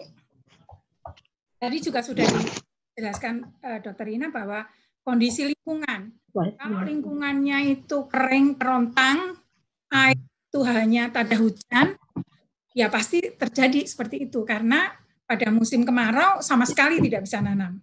Ya. Tapi itu kan sebetulnya bisa diatasi. Contohnya saja yang saya pernah saya kunjungi di Bojonegoro misalnya. Dulu kalau musim hujan itu banjir, tapi kalau musim kering itu betul-betul kering, nggak ada yang bisa ditanam. Lalu eh, bupatinya saat itu membuat eh, waduk banyak sekali, gitu ya. Jadi dia membuat kolam-kolam besar banyak sekali dan itu sangat sangat membantu ketika musim masuk musim kemarau masih bisa menanam. Nah sebetulnya seperti ini kan eh, teknologi seperti ini kan mudah, murah dan sederhana sebetulnya ya. Jadi kita bisa melakukan itu. Jadi kita ini sebetulnya kan sering membuang-buang air, padahal air itu langka. Nah kalau sekarang air itu kita betul-betul simpan itu ya dengan cara kita buat Nah, kalau besar ya waduk, kalau kecil ya mungkin tempat penampungan saja gitu ya. Itu lebih bagus. Kita lihat Australia itu air sedikit apa air hujan seperti apa pun mereka tampung kalau di, di pertanian mereka itu betul-betul mereka gunakan. Jadi kalau kita bisa seperti itu barangkali eh, apa namanya lebih baik gitu ya. Tadi Bu Rina juga mengatakan bahwa kemiskinan itu adanya di daerah yang rawan pangan ya di mana kondisinya seperti kemiskinan karena tanaman tidak ada, lapangan pekerjaan susah, itu akibatnya seperti itu. Nah, semuanya itu tentu hubungannya dengan pengetahuan gitu ya. Kalau pengetahuan itu kita eh, aplikasikan ke daerah, barangkali ini bisa menjadi eh, solusi. Kalau itu menjadi suatu gerakan gitu ya, itu bisa eh, diharapkan bisa menjadi satu solusi gitu ya saya tidak membahas mengenai stunting yang terjadi di kota karena ya di kota memang mungkin ada tapi tidak terlalu banyak. Barangkali kekurangan gizi sedang atau kekurangan gizi ringan. Ya, kalau stunting itu yang sudah berat. Sebetulnya kan itu karena pola makan tadi ya. Jadi sebetulnya itu lebih mudah di, di, dilakukan kalau dengan uh, melalui penyuluhan, melalui PKK misalnya seperti itu lebih mudah. Tapi kalau sudah kondisinya itu memang kering kerontang, nggak bisa apa-apa, ya, maka itu yang perlu kita dekati. Tadi ada pendekatan eh, apa tadi? Pendekatan sensitif dan pendekatan intervensi tadi. Nah ini pendekatan intervensi yang penting. Stunting sendiri sudah dijelaskan tadi, jadi tidak tumbuh, tidak tumbuh dengan baik, baik itu tubuhnya maupun otaknya. Biasanya terpengaruh sehingga menjadi lambat berpikir. Sistem imun ini yang bahaya karena dia akan mudah sekali terkena penyakit ya, dan sangat berisiko terkena degeneratif ketika dia dewasa nanti. Apakah itu dia diabetes mellitus, apakah dia kena stroke, apakah dia jantung, kanker dan sebagainya. Ya. Nah, penyebabnya tadi juga sudah disebutkan kurang gizi berat dalam lama atau kronis, ya. kurang asam amino baik itu asam amino non esensial maupun esensial kurang zat besi, kurang asam folat, yodium, vitamin-vitamin dan sebagainya. Itu menjadi eh, masalah kemudian menjadi stunting. Nah, kalau kita melihat dari eh, tabel ini kita bisa lihat bahwa kalau ibu itu tadi kan seribu hari pertama ya, seribu hari kehidupan. Kalau ibu itu melahirkan anak dengan berat di bawah dua itu kan sudah masalah sebetulnya. Ya, dan nanti ketika dia diberi makan juga kurang, maka dia akan berat badannya akan uh, jauh di bawah itu. Nah, yang disebut stunting di sini adalah kurang gizi berat. Artinya dia kurang dari 60 persen aku udah mempelajari stunting maupun tinggi badan yang seharusnya. Ini memang berkaitan biasanya dengan proteinnya. Ya. Kalau dia memang uh, kondisinya itu memang sangat kekurangan, ya, untuk memenuhi protein 10 gram sehari saja barangkali akan kesulitan. Karena yang apa yang ada adanya singkong-singkong, adanya ubi, lalu misalnya menadah tontokan padi ya dia itu yang dikasihkan kepada anaknya sehingga protein sama sekali tidak dipikirkan. Nah ini yang yang menyebabkan uh, stunting yang saya katakan struktural sebetulnya karena itu sudah sudah merupakan uh, masalah terstruktur karena kemiskinan. Itu yang saya lihat bisa untuk ditekati dengan intervensi tadi. Mencegah stunting, ya tadi sebetulnya Bu dokter tadi bisa menceritakan dengan pembicaraan dan sebagainya mendekati dengan lebih simpel saja. Ya, bisa digabungkan nantinya. Ribu hari pertama kehidupan, gizi harus dipenuhi. Artinya, ketika ibu itu hamil, dia harus makan makanan yang cukup gizi. Ya. Ada protein, ada vitamin, dan mineral. Ya, itu ya, pasti makan makanan uh, kalori ya, berat. Lalu masa menyusui itu juga harus tetap bergizi, ya, untuk ibu dan untuk bayinya, sehingga dia harus porsinya lebih banyak, utama proteinnya. Masa mulai makanan tambahan, ya, makanan pendamping ASI. Itu bayi harus mulai makan dengan makanan lunak dan makan makanan yang ada unsur untuk memperkuat kecerdasan. Jadi kognitifnya akan berkembang. Ya. Dan kemudian ketika dia menjadi balita, ya ini kan sampai umur 2 tahun ya, tadi eh, seribu itu sampai umur 2 tahun. Jadi masa mulai makanan makan makanan balita itu harus makan bergizi dan bervariasi. Ya, itu penting. Ini kelihatannya mudah, tetapi kalau itu di daerah yang betul-betul kering dan tidak ada yang bisa dilakukan, artinya tidak ada pekerjaan bisa yang sangat-sangat terbatas, ini akan sulit ya karena itu kita pendekatan dengan uh, herbal tadi ya. Nah, dalam hal ini yang saya kenalkan di sini. Yang pertama kelor, kelor sudah diceritakan oleh Ibu Ina tadi. Memang kelor itu sesuatu yang uh, amazing, yang luar biasa ya. Karena proteinnya tinggi, lalu vitamin, mineralnya juga tinggi, semuanya di atas uh, sumber lain ya sumber makanan lain. Ya jadi kalau kita dulu tahu Ethiopia itu pernah ya eh, betul-betul rawan pangan sehingga kita lihat anak kurus dengan perut yang kecil ya itu sudah sudah stunting ya sudah yang sangat berat. Mereka bisa survive dari itu dan sekarang menjadi eh, apa namanya sangat berkurang banyak dan menjadi bagus itu karena kelorisasi jadi eh, FAO WHO mengintroduksikan kelor ke sana dan itu ternyata bisa menyelamatkan negara. Nah, jadi kelor memang sangat-sangat bagus. Jadi kelor menjadi salah satu andalan kita karena di samping mudah sekali ditanam di pekarangan, di pagar saja ya, kita tancapin dia akan berkembang ya. Dan dia tahan kering ya. Nah, itu bisa menjadi salah satu andalan untuk menyuplai protein karena asam aminonya baik yang esensial maupun non esensial lengkap ya di dibandingkan dengan susu, dibandingkan dengan telur, dia sama lengkapnya. Ya, jadi bagus sekali. Masih ditambah zat besinya tinggi, eh, mineral-mineral lain tinggi, dan juga vitamin-vitamin yang dibutuhkan ada semua. Satu kelor, saya nggak akan cerita banyak karena kelor sudah kita kenal semua dengan baik dan itu ada di semua eh, apa strategi saya kira. Nah yang kedua terbangun.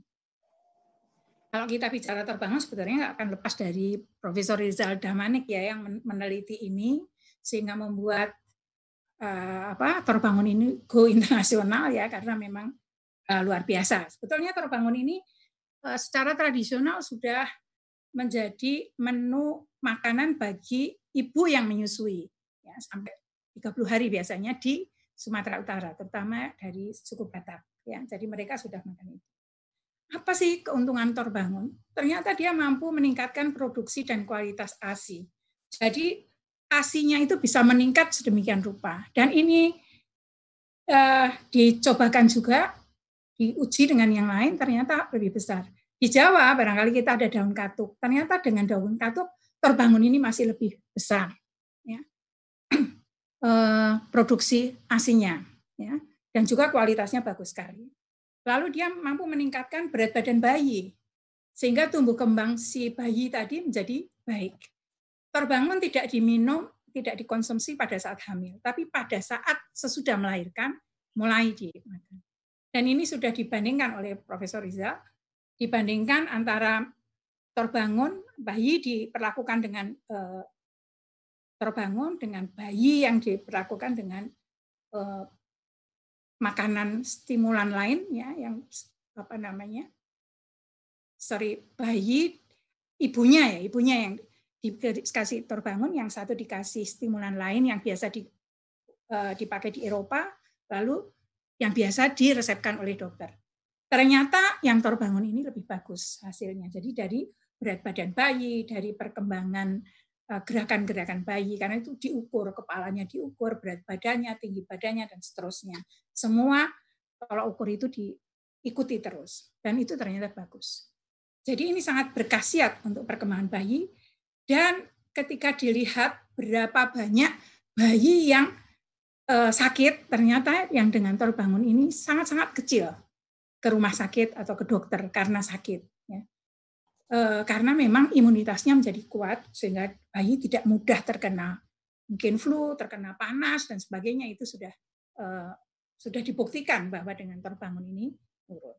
Lalu bagi ibu sendiri yang mengkonsumsi terbangun tadi itu memperkuat fisiknya. Memang salah satu hal yang didekati dengan terbangun ini tidak hanya bayinya tapi juga ibunya karena eh, kematian ibu pada saat melahirkan itu cukup tinggi ya karena sudah kekurangan gizi dia harus melahirkan pendarahan dan sebagainya sehingga berbahaya bagi dia. Tapi dengan konsumsi terbangun begitu bayinya lahir itu ternyata kekuatan fisiknya menjadi lebih kuat.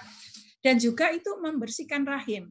Jadi hanya dibikin sup ya atau dibikin sayur dengan santan itu sudah cukup eh, membuat bayinya itu lebih besar lebih berat daripada dengan yang lain ya. Dan ibunya juga menjadi lebih kuat dibandingkan dengan yang lain. Dan ketika dihentikan ya sama-sama ketika perlakuan tadi dihentikan yang dengan terbangun masih ada peningkatan yang dengan lain menjadi stuck ya. Jadi itu itu menunjukkan uh, aslinya ya. Jadi itu menunjukkan bahwa memang terbangun ternyata memperbaiki keseluruhannya sehingga bagus sekali. Nah diuji memang sifat laktogogumnya yaitu uh, membuat uh, apa namanya produksi ASI menjadi kuat sekali itu memang lebih tinggi dibandingkan dengan herbal pelancar ASI lain maupun produk-produk luar dari produk luar ya. dan ini yang membuat kemudian terbangun dikenal ya dan uh, Profesor Rizal Dahmanik mendapat, penghargaan dari mana-mana itu karena ternyata terbangun itu terpromising ya Nah, terbangun sendiri apa? Mungkin banyak yang tidak kenal seperti apa. Itu gambarnya seperti itu ya eh, tanamannya. Jadi eh, jenis tanaman perdu biasanya seperti semak belukar gitu. Dan mudah diperbanyak. Ini yang penting sekali. Hanya dengan dipotong stek lalu ditancapin dia akan tumbuh ya. taruhlah kita taruh di pot. Kalau daerahnya memang kering ya kita buatkan pot-pot. Toh pot itu tidak harus beli, tapi dari bekas-bekas kemasan itu bisa dipakai. Jadi kalau ibu-ibu yang hamil itu sudah menyiapkan dengan banyak sekali bekas-bekas kemasan itu, kemudian terbangun itu diperbanyak sendiri, dan tiap hari dia makan itu, makan artinya dia tidak hanya makan itu, tetap dia makan yang lain. Yang ada adanya singkong, adanya ubi, adanya talas, adanya apa saja oke. Okay. Tapi sambil makan terbangun sup tadi, ya. entah itu disayur dengan uh, apa namanya dengan bening atau disayur dengan uh, santan, oke okay, gitu ya. Maka bayinya yang akan membesar dan ibunya akan lebih kuat. Daun terbangun itu mirip uh, daun bandotan kalau di uh, Sunda itu ya dan juga mirip dengan daun jintan sehingga banyak yang mengatakan bahwa itu juga jintan padahal beda karena di permukaannya ada bulu-bulu tipis ya. Di permukaan daun. Lalu daunnya ini wangi karena itu termasuk tanaman aromatik sebetulnya ya. Berasa sedikit langu ya. Tapi itu enggak masalah karena eh, khas ya langunya. Terus agak pedas seperti mint ya. Jadi pedasnya semriwing seperti itu Sebetulnya tanaman ini berasal dari Afrika Selatan dan Timur, kemudian menyebar ke mana-mana termasuk Indonesia, dan sangat cocok untuk ditanam di daerah tropis. Meskipun di daerah subtropis juga tetap bisa hidup. Biasanya di daerah subtropis justru dijadikan tanaman hias, ya karena daunnya bentuknya kecil-kecil dan berbulu tadi. Ya, jadi eh, kayak keluarga sukulen gitu ya. Jadi seperti itu. Kalau di berbagai daerah barangkali namanya beda-beda ya. Ada yang menyebut sebagai bangun-bangun, itu yang dikenal terbangun atau bangun-bangun. Lalu di Jawa Barat, di Sunda itu disebut sebagai ajeran. Jawa Tengah menyebutnya daun kucing. Eh, suku Melayu menyebutnya dukan. Jadi beda-beda. Tapi itulah ya, jadi terbangun itu cocok sekali untuk eh, bayi yang baru lahir. Jadi begitu melahirkan langsung bayinya akan baik, pasti akan jauh sekali dari uh, stunting, ya karena bahkan bayinya pun akan lebih lebih uh, besar. Jadi ibunya di daerah yang sangat uh, kering, kesulitan makanan apa apa saja yang ada dimakan, ditambah tiap hari makan ini, bayinya pasti akan bagus.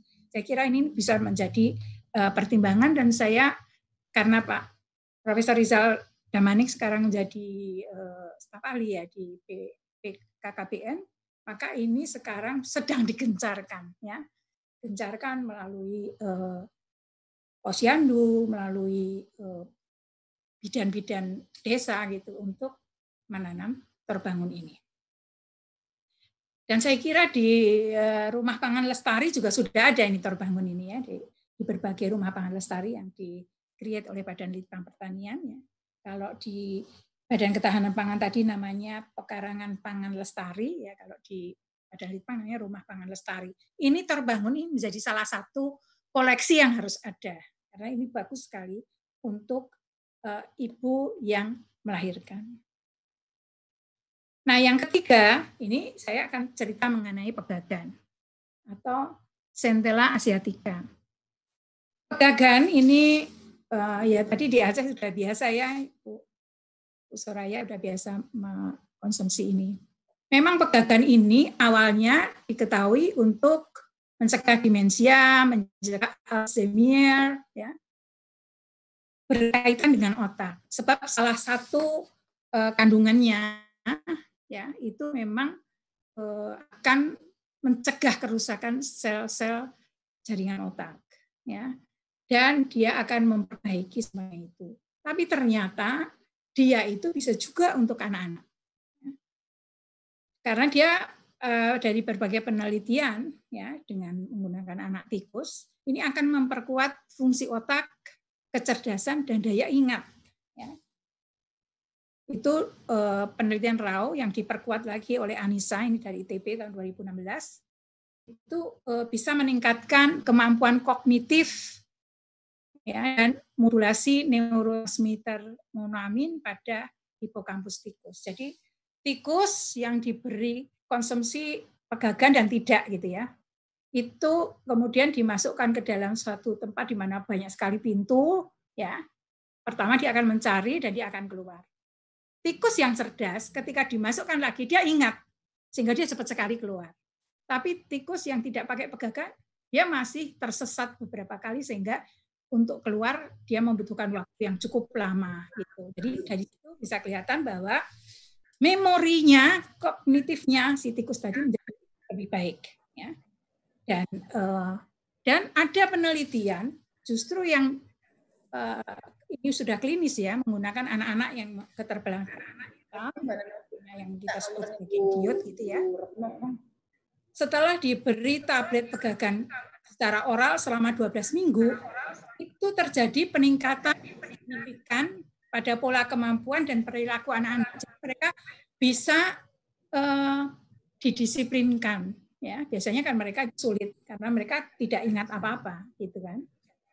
Uh, apa daya pikirnya itu terus. Tapi begitu dia diberi pegangan ternyata bisa bisa membaik. Tidak terus jadi normal tidak tapi bisa membaik barangkali untuk yang sudah terlanjur stunting dan umurnya sudah di atas dua tahun agan ini bisa memperbaiki, hanya memperbaiki tidak menjadi baik ya, memperbaiki supaya kualitas hidupnya menjadi lebih baik. Ya. Tapi untuk yang uh, masih dalam seribu tadi, seribu hari kehidupan tadi, ini bisa dijadikan untuk uh, pendamping ASI, ya makanan pendamping ASI. Ya, jadi bisa bisa seperti itu sehingga ini otaknya ini terbentuk. Anak ini dari uh, lahir dari dia ibunya hamil sudah makan kelor, anaknya sudah bagus ya. Lalu ketika lahir diberi ASI dengan terbangun. Nah, setelah dia uh, membaik, dia sudah uh, mulai harus makan makanan lunak, dia diberi pegagan, maka dia akan jadi anak cerdas. Meskipun dia berasal dari Eh, daerah yang sangat rawan. Ya ini kalau tanya pegagan itu seperti apa mungkin ada yang belum tahu. Itu sebetulnya tanaman liar. Biasanya saat-saat eh, musim hujan dia akan banyak sekali, tapi saat kering itu berkurang dan menjadi kecil-kecil ya. Tumbuh di mana saja di tepi jalan, di perkebunan dan sebagainya ya, di sawah. Ini berasal dari Asia tropik yang tersebar sampai akhirnya ke negara kita juga. Nah, Kadang orang menyebutnya sebagai kaki kuda atau antanan. Ya, barangkali oh itu antanan maksudnya gitu ya. Ada banyak sekali nama lokal. Dan ini ada asesi, ada 12 asesi ya. Jadi bisa lihat bahwa bentuk daunnya beda-beda. Tapi eh, sama kandungannya ya. Dari beberapa penelitian eh, sama lah, tidak signifikan perbedaannya. Di luar 12 ini ternyata masih ada pegagan yang tumbuh di laut ya ada di di air. Nah itu yang luput dari uh, penelitian ya, tapi ada beberapa. Kalau nggak salah ada dua atau tiga jenis gitu asesi. Sehingga ini uh, cukup banyak ya. Jadi ini bisa tumbuh di mana saja dan ini sangat sangat mudah. Ini yang mungkin belum ada di rumah pangan lestari maupun di uh, pekarangan pangan lestari dan sebagainya di tanaman obat keluarga juga mungkin belum ada meskipun ini sebetulnya Eh, sangat liar sehingga gampang sekali hidup. Ya. Kalau kita siram terus dia akan besar dan akan banyak. Seperti rumput lah dia akan tumbuh seperti itu. Kandungan kimianya macam-macam, yang penting ya jadi dia ada juga kali kalsium, zat besi dan sebagainya. Tapi yang terpenting adalah asiatikosid ya, atau asiatikosida. Ini yang Eh, kalau kita bisa mengekstrak itu ya menjadi ekstrak tunggal, maka itu sebetulnya yang bagus untuk kognitif tadi, yang bagus untuk otak tadi. Jadi kalau bisa itu salah satu uh, tolok ukur dari kualitas si uh, pegagan tadi ya. Ini khasiatnya banyak sekali, tapi dalam hal ini yang terpenting adalah dia meningkatkan syaraf memori ya. Dengan begitu meningkatkan kecerdasan anak-anak. Ya, jadi kalau saya uh, ringkas, ketika hamil makanlah apa saja, tapi ada kelor di sana. ketika mulai menyusui makan apa saja boleh ditambah torbangun di sana. Ketika sudah mulai harus makan dengan makanan pendamping ASI, tambahkan begadang di sana. Kelor juga oke ditambahkan di sana, ya. Jadi dalam jumlah yang kecil. Tentu saja kita harus mengukur benar dosisnya karena pasti ya tanaman ini pasti ada uh, efek sampingnya. Tapi kalau dalam jumlah tertentu yang sudah berdasarkan penelitian berapa sebetulnya jumlah yang cocok, maka itu akan menghasilkan hal yang sangat bagus. Karena semuanya tiga-tiganya ini mudah sekali ditanam. Bahkan di daerah yang kering pun mereka bisa hidup. Ya, sehingga ini bisa mencegah stunting. Kalau ini bisa di uh, operasionalkan. Bagaimana cara mengoperasionalkan? Ya, tentu kita melalui penyuluhan, bisa penyuluh kesehatan, penyuluh pertanian, apakah itu kader desa, bidan, PKK, posyandu, LSM yang punya eh, fokus terhadap kesehatan masyarakat, ya terutama mencegah stunting, itu bisa semuanya melakukan itu. Jadi eh, penduduk, terutama yang mulai hamil atau yang akan hamil ya itu mulai menanam tanaman tiga tanaman herbal tadi ya. Syukur nggak usah pakai uh, hamil pun dia sudah menanam mungkin dibagikan kepada tetangganya yang hamil itu bagus sekali. Lalu bisa melalui rumah pangan lestari tadi yang barangkali ada di tiap desa ada atau yang disebut sebagai uh, pekarangan pangan lestari ya atau di tanaman obat keluarga itu ada tiga itu dan itu nanti akan diberikan kepada orang yang uh, hamil sampai anak umur 2 tahun dan seterusnya nanti akan makan dengan uh, kelor kan semuanya itu bisa dijadikan tepung dan itu bisa dicampurkan dalam makanan ya seperti itu dengan dosis tertentu jumlahnya sangat-sangat mudah ya.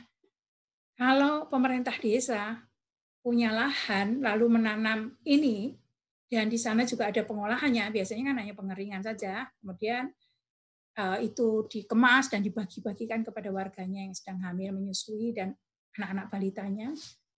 Tiga hal tadi ya dengan dengan konsep yang seperti itu, maka model ini kalau ini menjadi gerakan itu betul-betul akan mengurangi atau mencegah terjadinya stunting baru.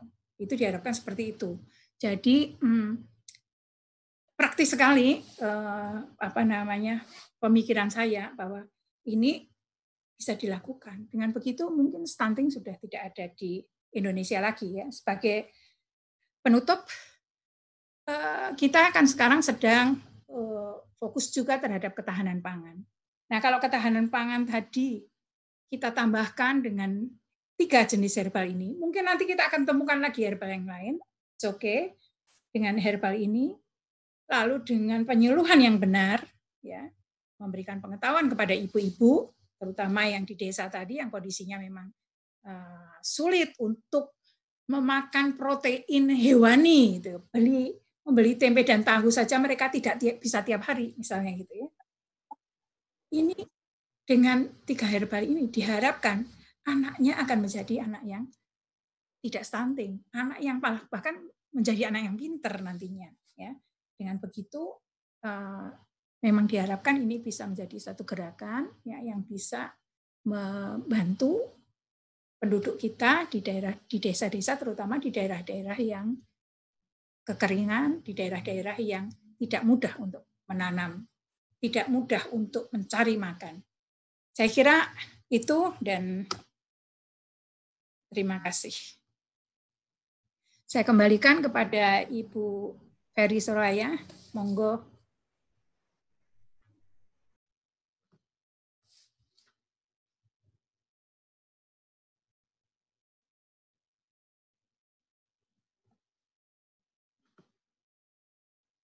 Bu, Bu Ferry belum dibuka ya, belum di unmute.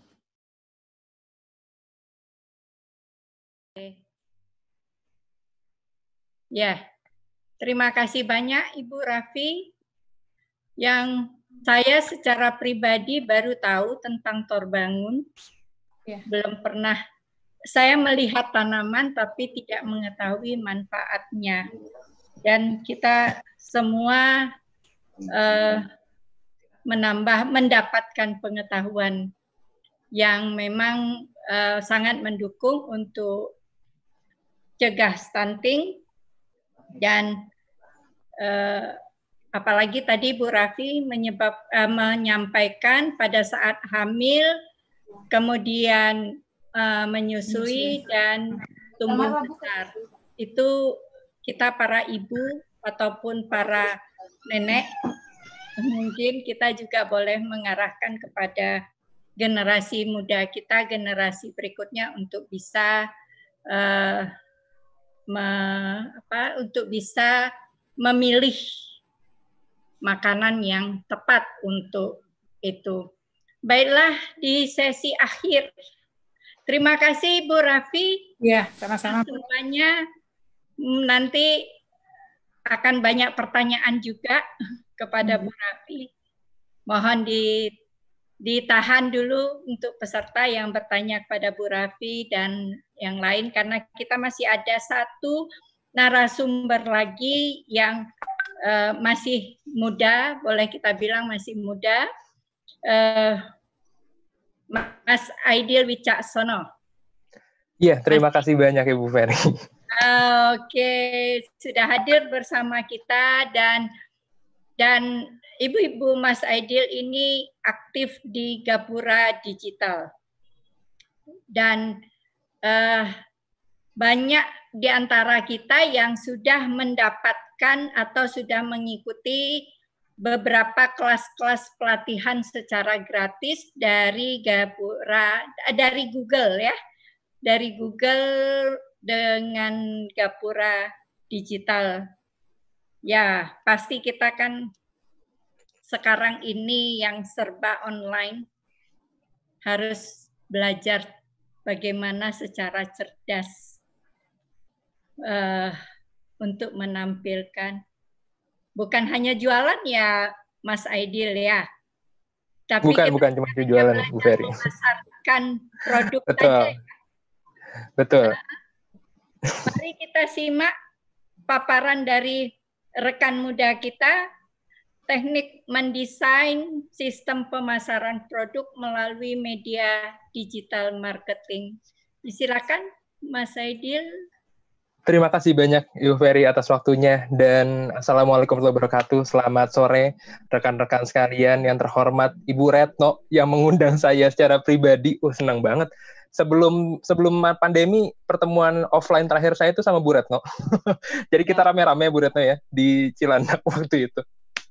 Dan terima kasih juga untuk para narasumber sebenarnya ini saya belajar banyak hari ini. Saya belajar banyak sekali tentang berbagai macam pengetahuan tadi dari Bu Rani, ada juga dari uh, apa namanya Dokter Ina, Dokter Rafi, saya mah mau live sebenarnya dari tadi ini takut sebenarnya kenapa saya yang diberikan kesempatan oleh Bu Retno untuk menyampaikan ini. Tapi dari beberapa paparan yang ternyata juga saya pelajari, um, kita juga perlu ingat bahwa ini sebenarnya jadi pengetahuan saya saat saya nanti akan memiliki seorang anak. Pastinya dong, bagaimana ternyata saya bisa menjaga kesehatan anak saya kelak. Dan tadi juga disampaikan juga oleh Bu Ferry, bagaimana ternyata kita perlu mengedukasi untuk mungkin usia-usia saya gitu ya, usia-usia yang ternyata biasanya mohon maaf mungkin lebih ke nggak peduli karena kesibukan yang segala macam dan lain-lain. Nah, edukasi ini yang akan coba kita ajak melalui dunia digital. Jadi saya izin untuk uh, share screen-nya ya. Mohon ditunggu sebentar. Nah, ini dia.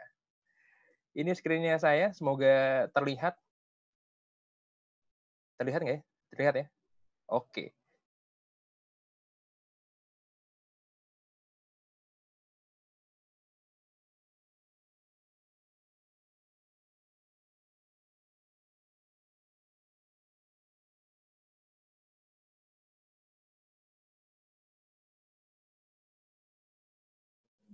Suaranya belum keluar, Mas. Itu di mute dulu. Lupa ya. Di mute dulu, di mute. Oke, udah ya. ya. Oke, okay, baik. Nah, suaranya juga udah kedengeran. Jadi hari ini saya tadi saya, saya tadi mau bilang Bu Retno bahwa saya tidak bisa mengikuti sampai akhir karena ada meeting di jam 4 Jadi saya coba untuk memaksimalkan waktunya untuk menyampaikan paparan yang mungkin bisa membantu atau bahkan ada beberapa insight yang bisa rekan-rekan semua gunakan. Tadi sudah diperkenalkan oleh Bu Ferry bahwa ya nama saya Aidil, boleh dipanggil Mas Aidil aja itu cukup. Aktivitas saya sekarang sebagai seorang dosen di Gunadarma dan aktif sebagai mm, trainer atau bahkan coach dari beberapa tempat khususnya sebenarnya ketemu sama UKM. Jadi selain dari Google Gapura Digital, saya juga aktif di Sahabat UMKM, di Rumah Siap Kerja bersama Bapak Sandiaga Uno, dan punya lembaganya saya sendiri namanya kayak Zenroom. Ini adalah sebuah lembaga untuk uh, pengembangan diri dari mahasiswa sebenarnya. Informasi lengkap tentang saya nanti rekan-rekan semua boleh coba di searching aja di Google Aidul Jackson nanti muncul di sana. Biar saya juga nggak lama-lama gitu ya. Jadi sebenarnya apa yang akan jadi bahasan penting kita hari ini atau ada kaitannya sama stunting atau enggak? Sebenarnya sebenarnya kalau emang ternyata ditanya masalah stunting, jujur aja saya baru tahu bahkan baru ngelotok di hari ini.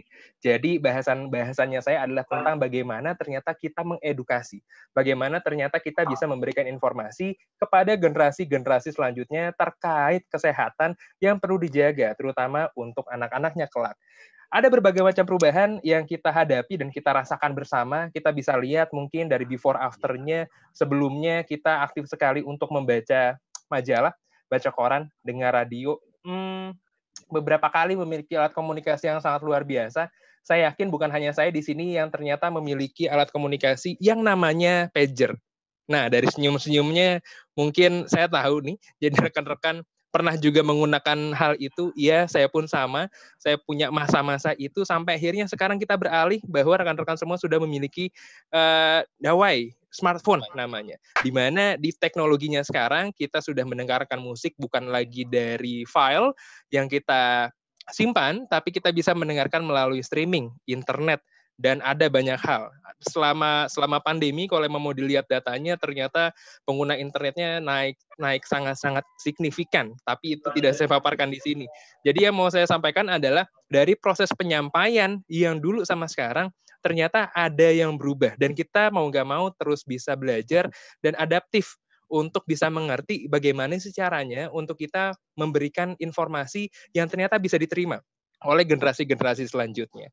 Nah, bisa dibilang tadi disampaikan juga oleh Bu uh, Ferry bahwa ya, yang saya sampaikan di sini bukan berarti tentang bisnisnya aja, bukan berarti tentang bagaimana kita menjual saja, tapi ya itu tadi bagaimana caranya kita memasarkan dengan gaya yang baru dengan gaya yang new normal sih katanya ya.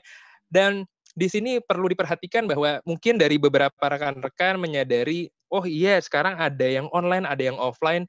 Apakah keduanya itu akan saling menutupi atau bahkan apakah keduanya itu punya uh, peringkat sendiri lebih tinggi yang online atau yang offline? Ternyata kita, kita. harus sama-sama uh, mengsinkronisasi sinkronisasi antar keduanya, antara offline ataupun online-nya. Jadi tadi ada berbagai program-program disampaikan oleh narasumber-narasumber kesayangan saya, bagaimana ternyata program-program itu ada baiknya bisa dijalankan. Namun ternyata untuk sosialisasinya, untuk informasinya bisa didapatkan secara online. Itu yang ternyata perlu kita uh, pahami bersama. Jadi, nah ini belum saya ganti. Tapi maksud saya di sini adalah antara offline dan online itu harus sinkron dan menjadi satu kesatuan. Bukan berarti kehilangan dari salah satunya. Masuk ke ranah digital marketing, sebenarnya digital marketing ini apa? Sesederhana kalau proses marketing adalah proses menyampaikan informasi dari apa yang kita tahu ke masyarakat atau bahkan ke orang-orang di sekitar kita. Ngomongin masalah digital, berarti penyampaian informasinya melalui gadgetnya, melalui internet Mhm, melalui internet, di mana sekarang penggunanya lebih banyak menggunakan handphone. Sekarang juga kita lebih sering juga buka laptop, ya karena beberapa dari rekan-rekan mungkin masih ada yang tadi di sini ada senior-senior dosen saya pasti melakukan pengajaran masih secara online menggunakan Zoom, Hangout Meet dan sebagainya gitu ya. Tapi kenapa ternyata harus kita mengetahui tentang pola digital marketing sampai akhirnya tadi disampaikan juga di awal sama Bu Ferry bahwa kita bisa menentukan strategi yang cocok strategi yang cocok. Bagaimana caranya? Ternyata digital marketing teman-teman semua bisa menargetkan secara lebih spesifik kembali. Siapa sih yang akan menjadi tujuan atau bahkan target utama dari sosialisasi terkait informasi stunting kita hari ini? Bagaimana cara menjaga kesehatannya dan seterusnya? Ada ukurannya dan ada interaksi dua arah selanjutnya cost-nya juga nggak mahal-mahal ternyata. Tidak perlu mm, melakukan cetak flyer, poster, dan sebagainya. Ini gambaran sederhananya.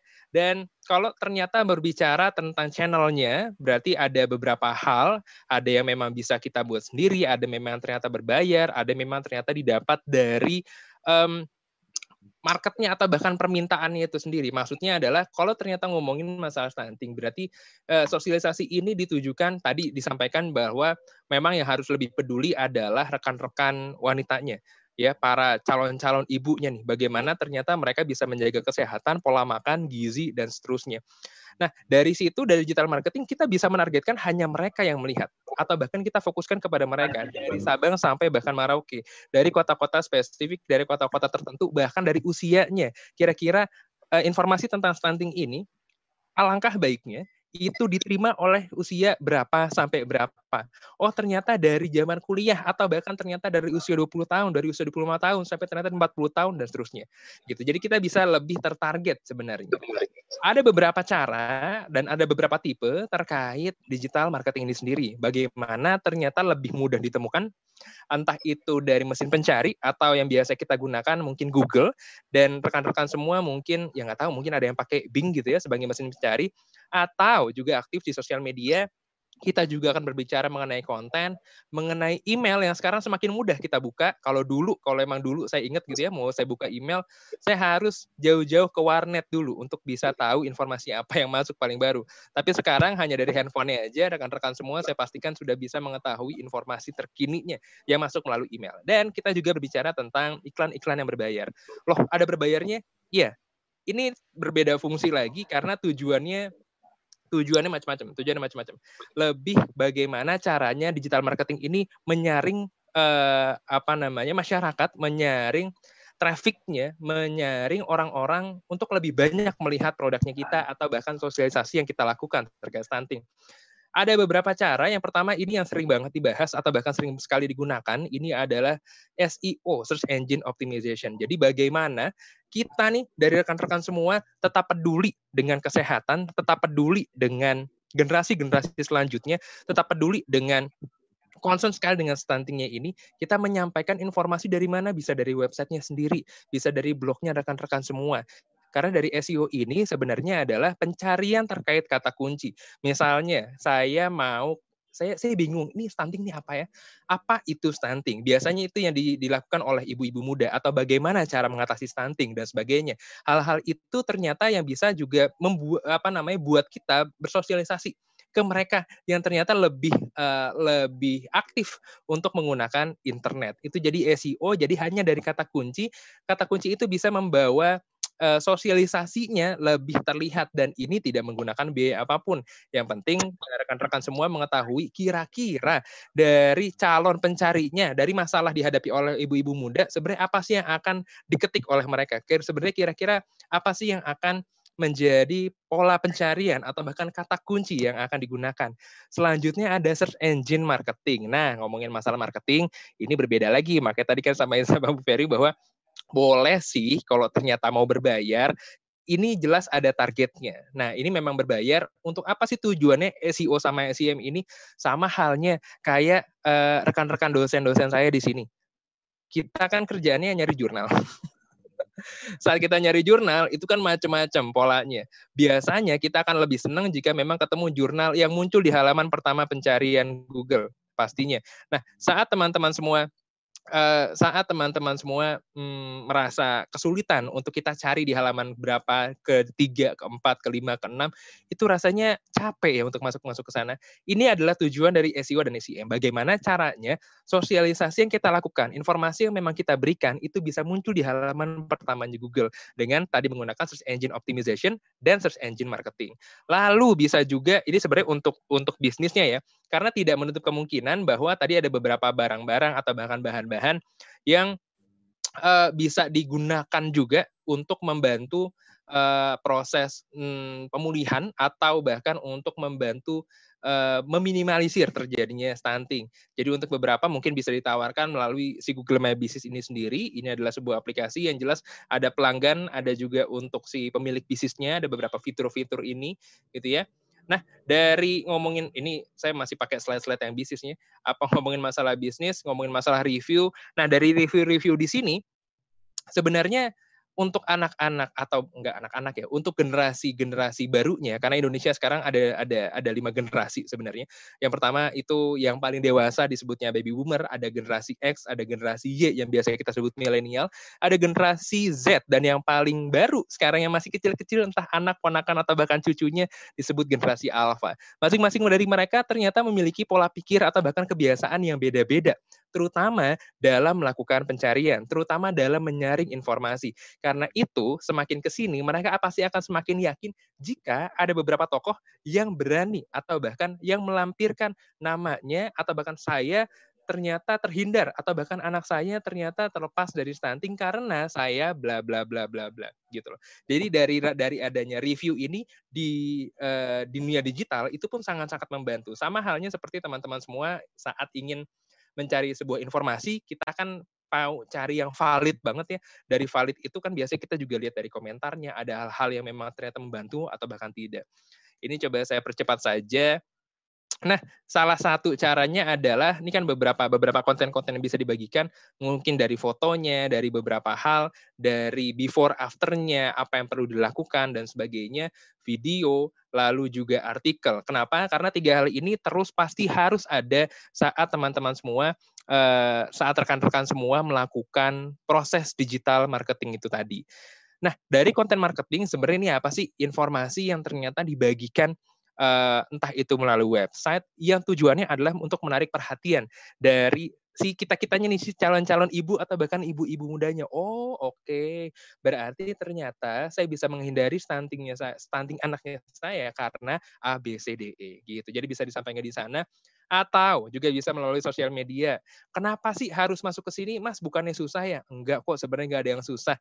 Teman-teman semua pasti menyadari bahwa perubahan di perubahan di eranya itu cepat banget cepat banget. Dan yang jadi problem adalah bagaimana caranya kita mau terus beradaptasi seperti yang tadi di awal saya bilang. Sa sama halnya dengan sosial media. Ternyata dengan sosial media kita bisa menjadi lebih dekat untuk melakukan penyampaian di mana mereka juga bisa menjadi lebih mengerti tentang kualitas, lebih mengerti tentang kesehatan, lebih mengerti tentang program dan lain-lain emailnya pun juga bisa digunakan. Jadi misalnya seperti ini, bagaimana sih caranya Mas untuk menggunakan si email marketing? Pertama, kita juga perlu eh, apa namanya memiliki memiliki calon-calon targetnya nih, misalnya dari ibu muda atau bahkan calon ibunya. Bagaimana sih cara kita mendapatkan emailnya mereka? Kita juga bisa memberikan giveaway atau bahkan kita juga bisa memberikan satu PDF atau bahkan satu ebook bagaimana tips and trick untuk kamu mengatasi atau bahkan uh, menghindari terjadinya stunting kepada anak dan seterusnya gitu loh. Jadi dari sana kita pun bisa terus memberikan informasi yang up to date tentang program-program terbaru yang tadi sudah diajukan oleh pembicara-pembicara sebelumnya. Lalu ada juga nah ini yang tadi berbayar juga ngomongin masalah iklan um, sebenarnya digital marketing itu muncul di mana aja buat rekan-rekan semua pasti ada yang iseng-iseng buka buka aplikasi ibadah misalnya untuk berdoa atau bahkan buka game misalnya atau bahkan buka beberapa berapa halaman untuk mencari jurnal, kita pasti ketemunya sama yang namanya iklan. Nah, itu itu adalah proses dari digital marketing karena tujuannya adalah untuk menarik trafficnya sekarang yang perlu dipahami adalah siapa yang akan menjadi target untuk trafficnya itu tadi. Bagaimana caranya mereka lebih mengerti lagi, oh ternyata saya harus menghindari stunting karena A, B, C, D, E.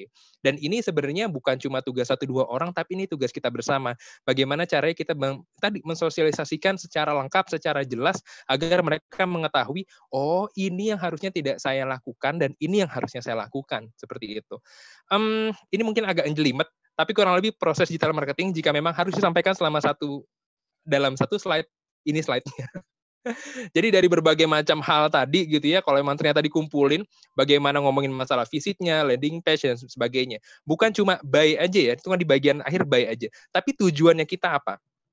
Tujuannya kita hari ini adalah bagaimana kita mencegah kan, bagaimana caranya kita juga meminimalisir adanya uh, stunting ini yang memang ternyata diderita oleh calon anak atau bahkan anak yang sudah tadi kan disebutin eh, juga sama dokter Ina memang kalau udah di atas usia 2 tahun gitu ya mungkin agak sulit untuk uh, disembuhkan gitu. Jadi dari berbagai macam informasi kita bisa coba kita bisa coba rangkum, kita bisa coba rangkum dengan ya karena anak-anak sekarang jujur aja nggak mau terlalu yang panjang, nggak mau terlalu yang ribet. Mereka ingin ternyata itu visualnya enak dilihat dan sebagainya gitu. Mereka ingin mendapatkan penjelasan yang secara serta merta, oh saya ngerti dengan bahasanya seperti ini. Kenapa saya harus peduli dengan yang namanya stunting gitu. Jadi ada beberapa lagi ngomongin masalah digital marketing pakai influencer misalnya. Kita punya satu sosok untuk menjadi tokoh di mana ini loh yang eh, apa namanya menjadi ambasadornya lah contohnya gitu ya.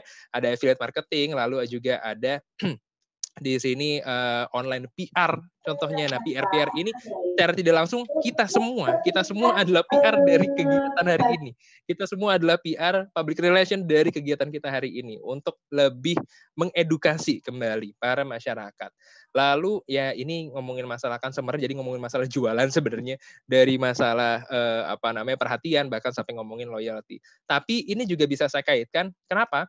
Karena di bagian loyalty ini ini sebenarnya adalah tujuan dari kita semua. Bagaimana mereka mengerti, bagaimana target audiensnya mengerti, bukan cuma ternyata mengerti, oh ini kata Dokter Ina, oh ini kata Bu Retno, hmm, ya udah biasanya seperti itu. Tapi harapannya adalah dari mereka yang menjadi target, dari mereka yang menjadi target. Loyalty-nya itu dibuat karena apa sih? Loyalty-nya itu dilihat seperti apa sih?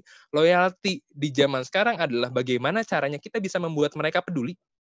Dan akhirnya mereka juga bisa menyampaikan informasi itu ke teman-teman yang lain, ke keluarga yang lain, ke sahabat yang lain, tanpa perlu kita minta, tanpa perlu kita kita suruh-suruh atau bahkan kita paksa.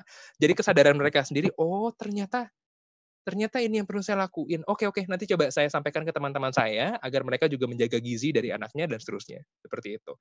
Lalu, again, kembali lagi sebenarnya dari konsep digital marketing, yang penting adalah tadi objektifnya apa, goals awalnya apa. Bukan lagi-lagi bukan cuma tentang jualan, tapi goals awalnya apa. Kita mau lebih banyak orang yang peduli. Kita mau lebih banyak orang yang ternyata terlepas atau bahkan terhindar dari stunting ini tadi. Lalu tadi targetnya siapa? targetnya siapa? Apakah cuma perempuan? Eh, enggak juga ternyata. Saya aja saya aja seneng loh dengar dengar diskusi kita hari ini. Saya seneng banget dan itu akan saya sampaikan juga ke teman-teman saya yang lain dari beberapa informasi yang sudah dipaparkan selama sore hari ini. Dan bagaimana caranya gitu. Bagaimana caranya? Dan itu yang ternyata perlu perlu kita juga terus perbarui. Ini beberapa strategi SG sih berapa strategi. Iya ini kan lagi-lagi jualan. Tapi misalnya ini ada campaign tentang launching produk produknya adalah bagaimana caranya mereka lebih peduli segmen targetnya seperti apa. Dan kalau ngomongin masalah digital uh, digital marketing channel, kita juga ngomongin masalah KPI-nya. Kira-kira sehari itu berapa yang lihat, siapa yang lihat, sudah sesuai atau belum. Jika memang belum sesuai, mau nggak mau kita juga ubah strateginya dan sebagainya. Dan itu aja dari saya. Mohon maaf saya tidak bisa berbicara terlalu panjang dan buat teman-teman semua jika memang ada yang ingin ditanyakan, nomor saya juga tertera di Google, email saya tertera di Google, silakan dicari aja Adil Cangsono. Saya kembalikan kepada Bu Ferry. Bu Ferry, terima kasih banyak. Terima kasih banyak Mas Adil. Sepertinya kita memerlukan uh, pelatihan khusus kalau kita mau fokus kepada apa yang mau kita tampilkan. Baiklah, terima kasih Mas Aidil dan semua narasumber yang ada di sini. Eh, berikutnya ini adalah waktu untuk Q&A, tetapi kita mulai waktunya eh, tadi sudah lambat. Sekarang kita hanya dibatasi mungkin 15 menit lagi, hanya lima penanya yang boleh uh, artinya set, han, siapa yang duluan, nah itulah yang mungkin atau kalau mungkin tanya per, ada pertanyaan bisa dimasukkan dalam kolom chat akan dijawab langsung oleh para narasumber. Oke, mungkin uh, caranya silakan ya tunjuk. Silakan yang pertama Siapakah belum ada yang raise hand? Siapakah yang ya dimulai saja uh, untuk penanya hmm, lima Bu, Bu lima Ferry, penanya. Bu Retno, aku boleh angkat tangan dulu nggak? Karena udah ditungguin meeting yang lain. It's okay kah? Aku nggak apa-apa. Oke, okay, boleh Mas Aidil. Nanti Mohon maaf banget. Mohon maaf. Mas Aidil akan kami uh, chat langsung saja. Iya, boleh, boleh banget. Aja. Boleh banget, boleh Terima banget. kasih. Ya, Terima kasih banyak. Mas Aidil. Sampai ketemu, Mas Aidil, Bu Retno. share materinya dong. Oh iya siap nanti nanti saya saya kasih ke Bu Retno juga ya. Dokter Ina terima kasih banyak, Dokter Raffi terima kasih banyak. Saya belajar Mas banyak Aidil. banget hari ini. Iya iya Bu Retno. Sebelum sebelum lupa, eh, tolong itu apa materinya tadi di email ke saya ya. Ini aku nerima apa WA banyak banget ini minta. Ya, sudah siap Ibu. Ya, Ibu oke. Ketum sudah siap eh, Mas Aidil akan meneruskan. Saya pamit ya. lanjutkan. Eh, Ya. Assalamualaikum. Terima kasih. Waalaikumsalam. Ya, eh, lima pertanyaan kami hanya eh, terpaksa membatasi. Mohon maaf. Siapakah yang bertanya kepada siapa? Siapa dan kepada siapa? Eh, silakan Ibu. Siapa nih Ibu Pap Prapti? Siapa Aku nih? ngomong sama sebentar sebentar Bu, aku ngomong sama uh, Mas Agung dulu. Mas Agung apa? Mohon bisa diperpanjang sedikit ya Mas ininya waktunya ya. Zoom. Mas. Mas Agung? Ya, Bu, Bu Retno. sampai 30 menit. 16.30 Bu ya. Jadi 16.30 nanti. Eh, matur nuwun Mas Ya, Agung dan Detres dan Ya, Dekam. ya Bu. Ya. Silakan dioptimalkan Bu Eri. Oke, oke matur nuwun. Terima kasih. Sudah diberi waktu lebih panjang sehingga kita panjang seru sangat webinar ini. Tadi Iya. Ibu Prapti yang sudah me- Acung. sudah menunjuk, sudah tunjuk tangan. Kami persilakan Ibu Nina, Ibi Baik. Jabar. Ya, baik, terima kasih. Bu, langsung aja pertanyaannya kepada ya, Ibu silakan langsung bertanya. Tapi saya sangat tertarik dengan pegagan, Bu. Barangkali ya saya agak awam baru dengar. Pertanyaannya adalah eh, apakah pegagan ini bisa juga dipakai oleh para lansia yang kecenderungan lansia itu kan eh, agak mulai mulai lupa-lupa gitu loh, Bu. agak pikun gitu. Bisa banget. Iya, iya. itu pertanyaan terus satu. Kemudian apakah kita bisa dapat eh, dalam bentuk kapsul whatever gitulah ya yang nggak usah cari tanamannya itu nah, kira-kira belinya di mana itu aja bu makasih bu Langsung ini Bu Raffi. Bu Raffi ada udah produksi kapsulnya. Silakan Bu Raffi. Iya, terima kasih. Ya, memang cocok sekali untuk eh, lansia juga karena memang itu bisa mengurangi kepikunan, Bu. Bu, Bu Prapti. Jadi eh, banyak sekali ya penelitian-penelitian yang maksudnya melihat pada or apa namanya? dalam hal ini tikus ya, tikus yang sudah dirusak jaringan otaknya gitu ya. Ketika kemudian dikasih pegagan antara tidak dan iya.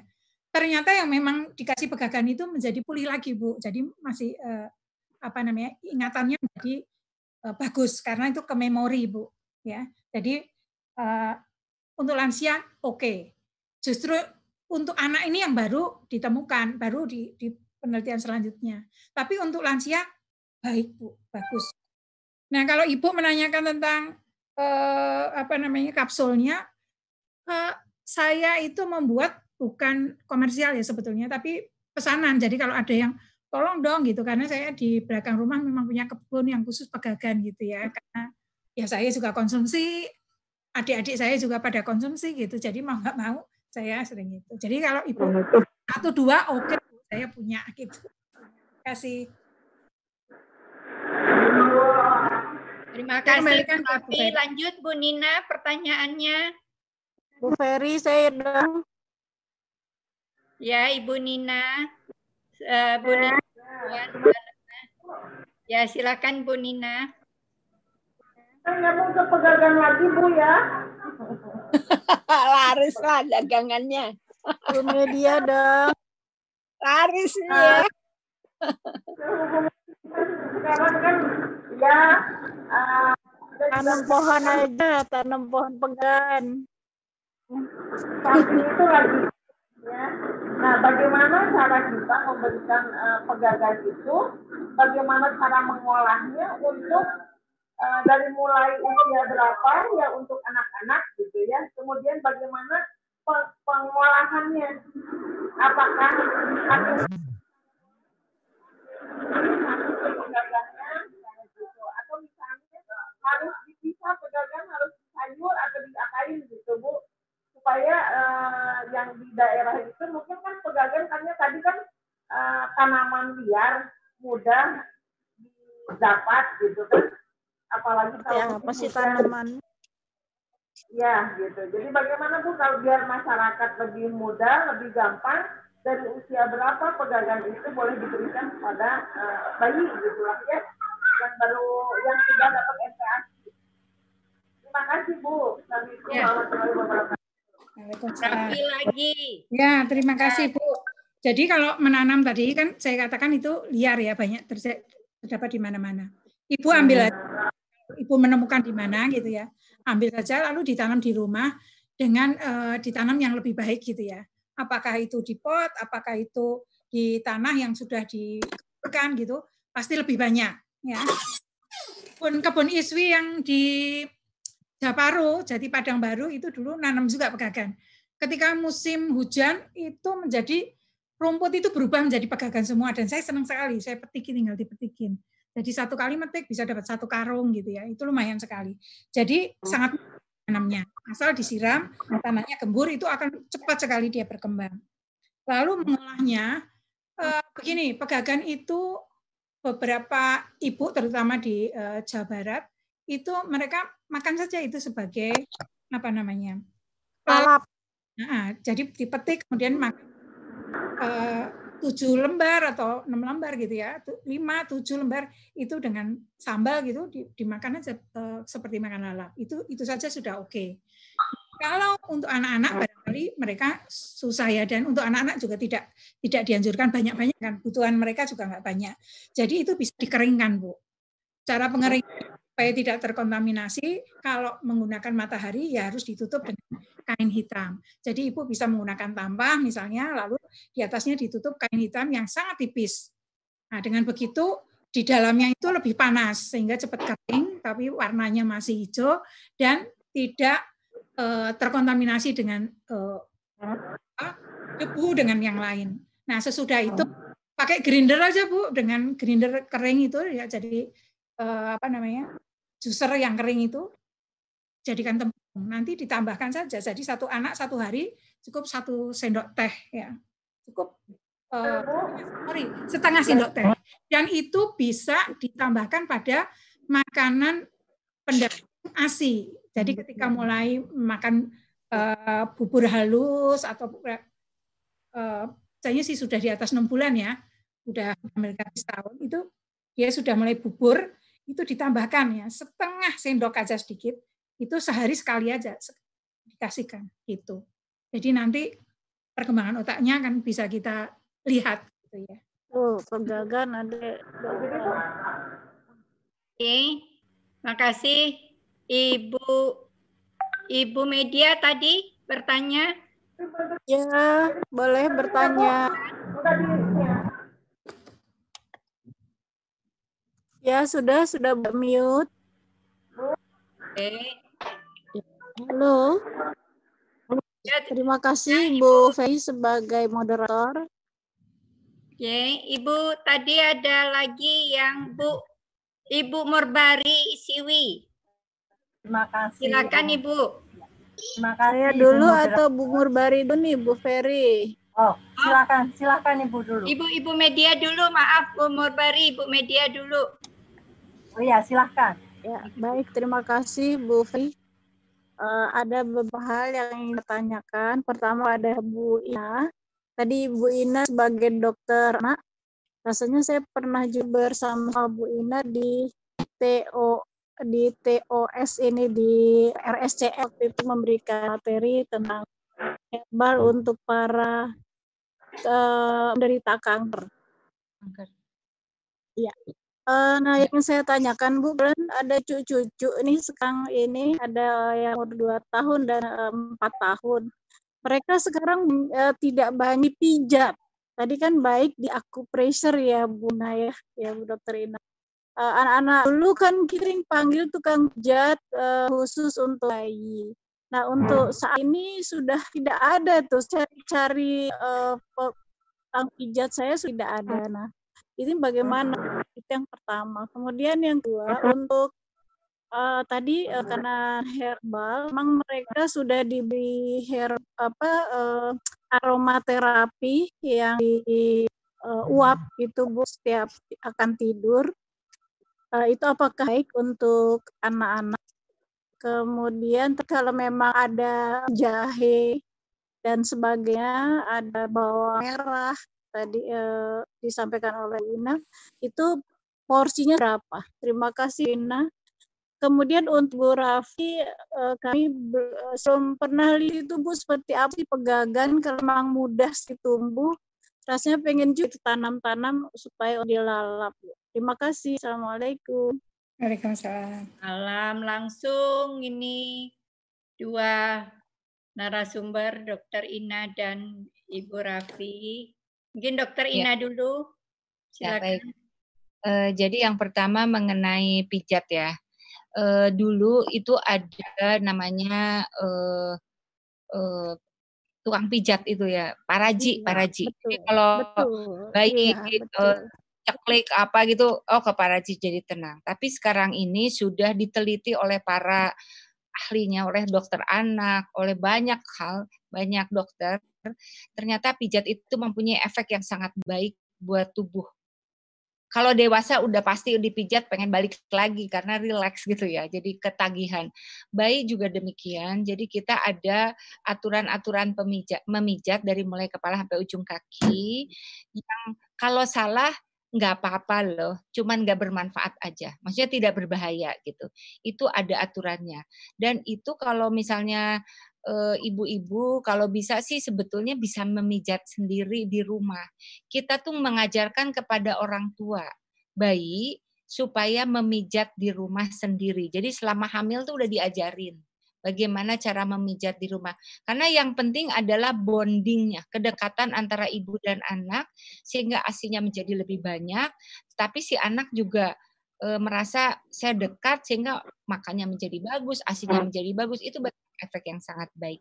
Jadi seperti itu ya. Jadi kalau mencari tukang pijat di luar mesti hati-hati kalau buat bayi mendingan kita. Sekarang kan udah banyak tuh yang eh, eh, bayi dipijat kemudian direndam tuh apa ya istilahnya tuh. Eh, itu banyak sekali dan itu sangat mahal ya. Jadi sebetulnya kita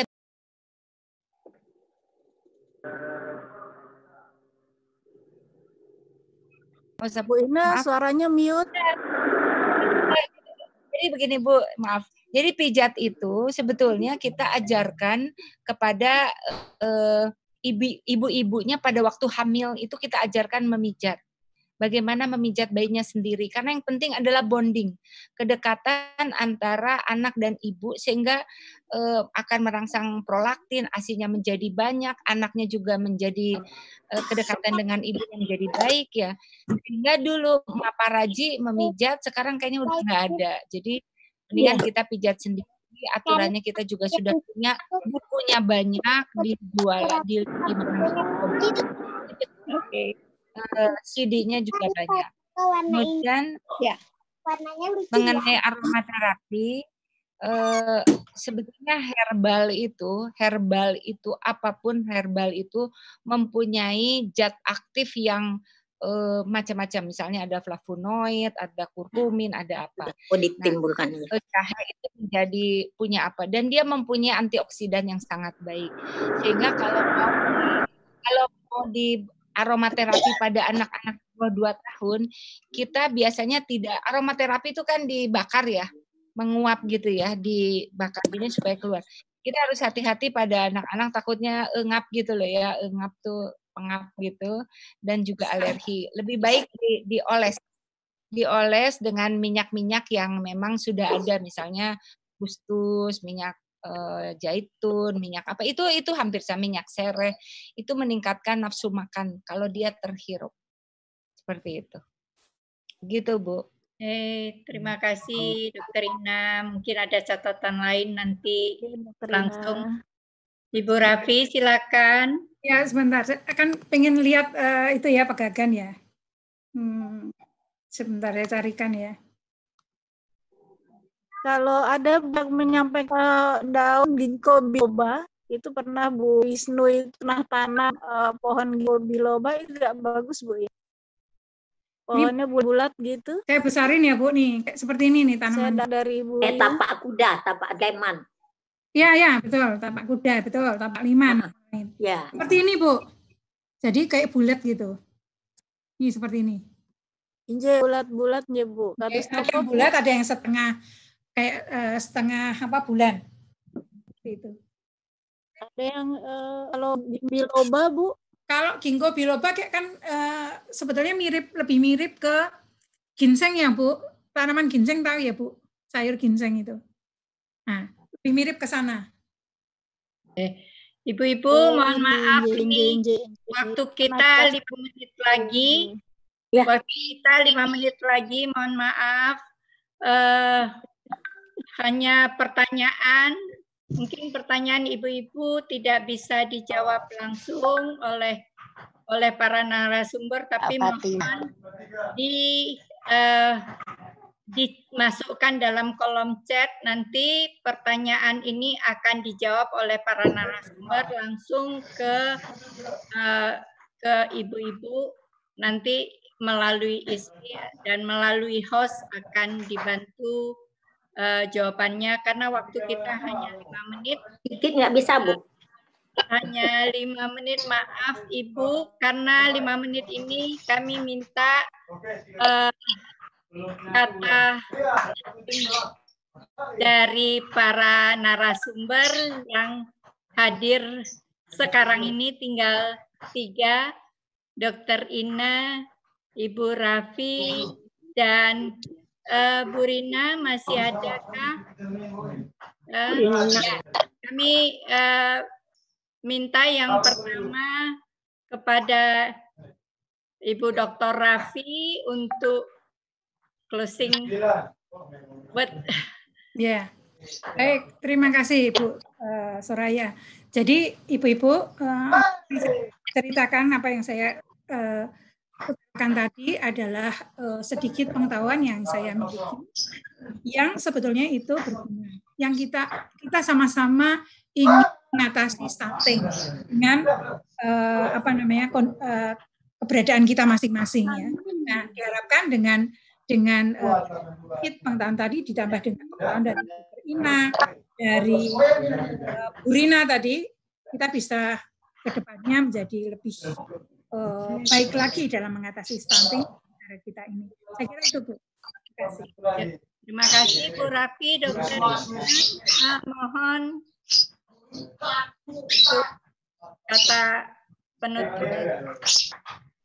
Uh, jadi saya titip kepada ibu ibu bapak-bapak di sini bahwa uh, stunting itu anak-anak itu sebagai penerus bangsa nanti. Sehingga kita harus uh, utamakan di seribu hari kehidupan. Di seribu hari kehidupan itu dengan cara apa silakan dan tentu pada saat pandemi ini kita banyak banyak yang bisa kita lakukan secara mandiri untuk meningkatkan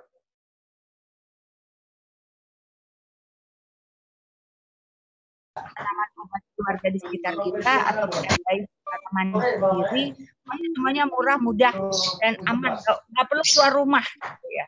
E, intinya seribu hari kehidupan itu penting untuk mencegah stunting kita mendapatkan anak-anak yang uh, kemudian. Terima kasih. Terima kasih dokter Ina.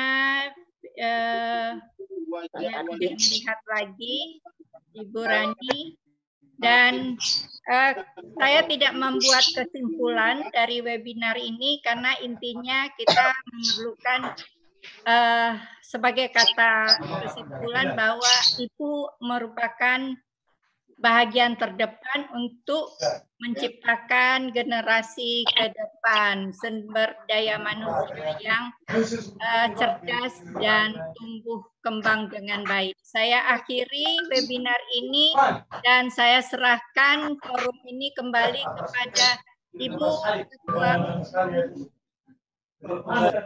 Ibu Retno sebelum ditutup sebagai kata penutup sebelum webinar ini ditutup. Akhirnya saya mohon maaf atas kata yang salah ataupun di dalam di dalam penyampaian yang tidak uh, pada tempatnya. Billahi taufik wal hidayah. Assalamualaikum warahmatullahi wabarakatuh. Waalaikumsalam. Terima kasih sekali Bu Bu Ferdi dan Ibu semua. Tapi saya mohon tadi Bu Melani udah hadir sejak tadi pagi. Sebelum saya tutup, Bu, monggo kalau mau uh, memberi pesan dan kesan, silahkan Bu Melani. Uh, terima kasih uh, ibu-ibu yang hebat-hebat semua. Uh, saya sangat senang mengikutinya karena banyak pengetahuan yang, yang didapat dan semoga uh, organisasi ISWI tambah berkembang dan maju. Dan sekarang ini kalau untuk masukan tadi banyak banyak mengenai herbal ya. Sekarang itu di dalam menghadapi COVID, pandemi COVID-19 ini, kita memerlukan juga herbal-herbal yang untuk penguatan tubuh tadi untuk mengenai eh, anak-anak uh, stunting ya. Tapi untuk kita kita juga ibu-ibu melakukan juga uh, herbal untuk penguatan uh, daya tahan tubuh kita. Jadi uh, saya sangat senang ISWI mengadakan webinar yang baru pertama kali ini. Mudah-mudahan bisa selanjutnya yang bisa berguna dan bermanfaat hebat-hebat pembicaranya narasumbernya. Uh, selamat untuk Ibu Retno yang telah mengadakan ini dan Ibu Ferry yang menjadi moderator yang sangat hebat-hebat semuanya. Dan saya juga mau pesan nih pegagan sama Ibu Rafi ya. Langsung pesen nih. Sekali lagi selamat Bu. Rafi Rafi Jaya. Wassalamualaikum warahmatullahi wabarakatuh boleh pesan. Oh, iya. Terima kasih sekali Bu Ferry. Eh Bu Ferry, Bu Melani dan itu saya lihat foto dulu Bu, foto. Bu foto. Ya. Uh, Bu, Bu Media tolong di foto sambil jalan Bu. Aku lihat Bu. Uh, Bisa Bu Ais. foto. Ais yang sakit datang. Mohon semua standby untuk sesi Bu Ais Saidah. Tinggalkan pesan dan kesan Bu Is. Bu Is. Uh, sesi foto. Ya Bu, Ajeng. Ya, ada Bu Is Saidah tadi hadir. Bu Is. Ada masih masih ada. Hadir dari awal, luar biasa. Pembicara masih ada. semua semua. Uh, Ibu, hmm. um, Ibu Ketua Umum, tadi ada keinginan untuk ditumbuhkan kembali atau dikembangkan kembali tentang Kids Spa. Kids Spa oh. ini karena cucu saya juga pernah ikut Kids Spa, tapi kelihatannya selama COVID ini semua jenis spa terhenti karena ada kontak fisik kan. Ya. Namun demikian, apabila kita bisa inisiasi dari ISWI, kita bisa pelatihan online Mungkin dengan Mas Aidil tadi bagaimana caranya untuk komunikasi online bentuk pelatihan. Jadi pelatihan, Bu, setuju. pelatihan eh, memijat bayi. Jadi kita tahu titik-titik mana yang disentuh, mana yang tidak boleh, tekanannya seperti apa gitu. Mungkin bisa kita ini karena ini penting sekali kids Pak ini. Kemudian pegagan, saya ikut di dalam grup ibu-ibu perempuan uh, petani PPPI ya, perempuan petani Indonesia. Nah, di sana ibu-ibu rajin-rajin membuat pot-pot untuk dijual. Uh, seperti saya sudah beli pot uh, telang, bunga telang. Jadi telang itu bisa diminum jadi teh atau di, bisa dijadikan pewarnaan. Mungkin kita tidak hanya beli produknya, yang sudah jadi, tapi juga ada ibu-ibu di isu yang rajin, kita tinggal beli pohonnya, jadi kita pelihara sendiri. Itu aja mungkin. Eh, selamat, terima kasih kepada para pembicara yang luar biasa dan kepada Ibu Melani ini saya serasa reunian karena dulu waktu masih dinas sering ketemu kalau beliau diminta sebagai pembicara atau membuka acara. Sampai serius sudah difoto. Iya, Mas Nun. Terima kasih sekali Ibu-ibu. Saya benar-benar eh, kali ini merasa tersanjung karena saya tidak menyangka kalau yang berminat dan akan hadir itu eh, melebihi target yang saya bayangkan. Sehingga saya mendadak sontak bingung mendapatkan Zoom karena Zoom-nya kapasitasnya tidak memenuhi ya Bu Rafi. Bu Rafi ini ngasih Iya. tahu kira-kira detik-detik eh, ini apa kritis kurang Nah, dua jam baru memberitahu Mbak ini kita eh nggak nggak cukup ini kapasitasnya. Wah pusing. Tapi alhamdulillah kebetulan karena kalau niat baik itu tentu ada mukjizat yang eh, sebagai solusinya. Tiba-tiba teman saya yang namanya Pak Agung Sutopo itu punya Zoom yang kapasitasnya cukup untuk 500 orang. Jadi maka eh, terlaksanalah webinar hari ini karena memang nawa itu kita untuk pengetahuan yang bermanfaat bagi kita semua. Dan kami sudah mempunyai konsep untuk webinar-webinar selanjutnya. Mudah-mudahan nanti ISMI bisa seminggu sekali mengadakan webinar ini. Insya Allah. Dan mudah-mudahan peminat dari webinar ISMI ini tidak berkurang, tapi malah justru meningkat terus. Demikian harapan kami. Dan sekali lagi, saya benar-benar terima kasih kepada semua eh, peserta dan juga eh, adik-adik kita di Agung Sutopo, di Kamto, di Tresno. Eh Pak Dodo tadi udah janji mau ngasih doa penutup ya. Nanti habis saya langsung didoain tutup ya Pak Dodo ya. Oke, jadi matur nuwun sekali dan mudah-mudahan untuk eh, webinar selanjutnya akan tambah banyak dan tambah eh, bersemangat dan topik-topiknya mudah-mudahan jauh lebih baik. Eh, terima kasih Bu Ina, Bu Rafi, Bu Rinina udah hilang ya? Sri. Matur nuwun sekali, matur nuwun. Bu Bagus Pak Dodo, banget. Pak Dodo, Pak Dodo masih ada? Udah, Pak Pak. Dodo masih ada nggak? Bu Ketum, Bu. Retno. Ya. Alhamdulillah aja. Eh, yang ada yang saran ini ingin lihat kebunnya Bu Rafi. Oh iya, Bu Rafi punya kebun itu kebunnya eh, banyak, terutama yang di puncak itu eh, lebih lebih komplek.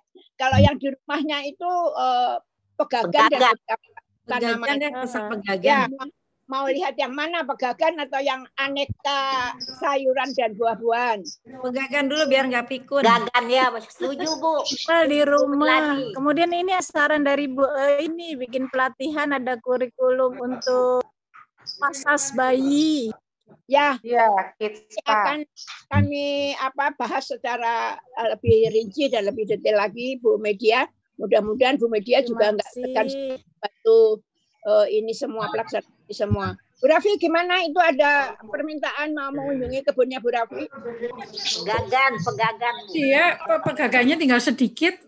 Lagi musim kering. Makanya yang di, yang dijual apa tuh? Nanti Kapsul. kapsul di ada. puncak. Kalau di puncak kan sayuran. Nanti saya carinya di uh, apa yang di kebun Japaro ya barangkali masih banyak. Oke, oke. Bu, Ni- Bu Ina barangkali punya pandangan Bu Ina? Punya apa, Bu? Ini Pak Widodo. mana? Pak Punya apa? Widodo. Bu Ina punya pandangan kebun pegagan Bu? Toga, toga. Oh, eh, jadi memang betul eh, kalau pegagan itu di kami juga dianjurkan kita menganjurkan kepada masyarakat untuk mengkonsumsi ramuan herbal lah. Salah satunya adalah pegagan. Kalau pegagan itu sudah tumbuh ya tanaman liar tadi ya eh, gampang apa cuman masyarakat belum paham saja sehingga itu juga akan mencegah kepikunan salah satu meningkatkan ASI juga semuanya efeknya bagus lah. Yang penting bagaimana cara mengolahnya. Mungkin ngerebusnya sendiri kan bisa ya. Atau kalau udah jadi kapsul, memang banyak dijual sekarang sebagai ekstrak eh, ekstrak pegagan itu bisa dibeli di eh, Guardian misalnya atau Century itu banyak Karya sari, yang Bu, karya sari.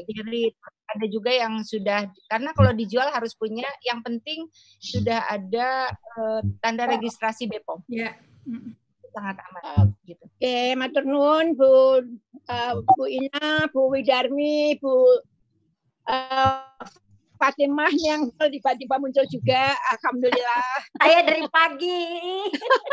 dari jam setengah sepuluh, Bu.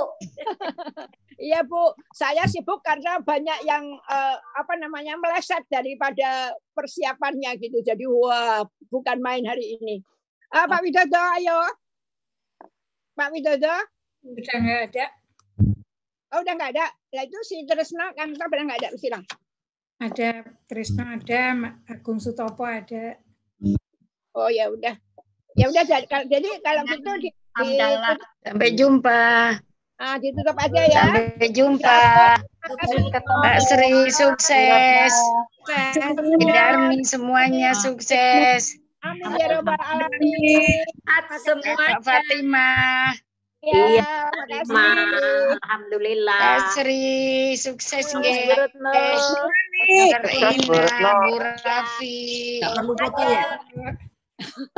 Sampai jumpa lagi ya. aja Oh iya, aku lupa Guys, bilang, Bu. Ini bisa dilihat di YouTube ya karena putra mengkawinkan Foto-foto mana foto? desa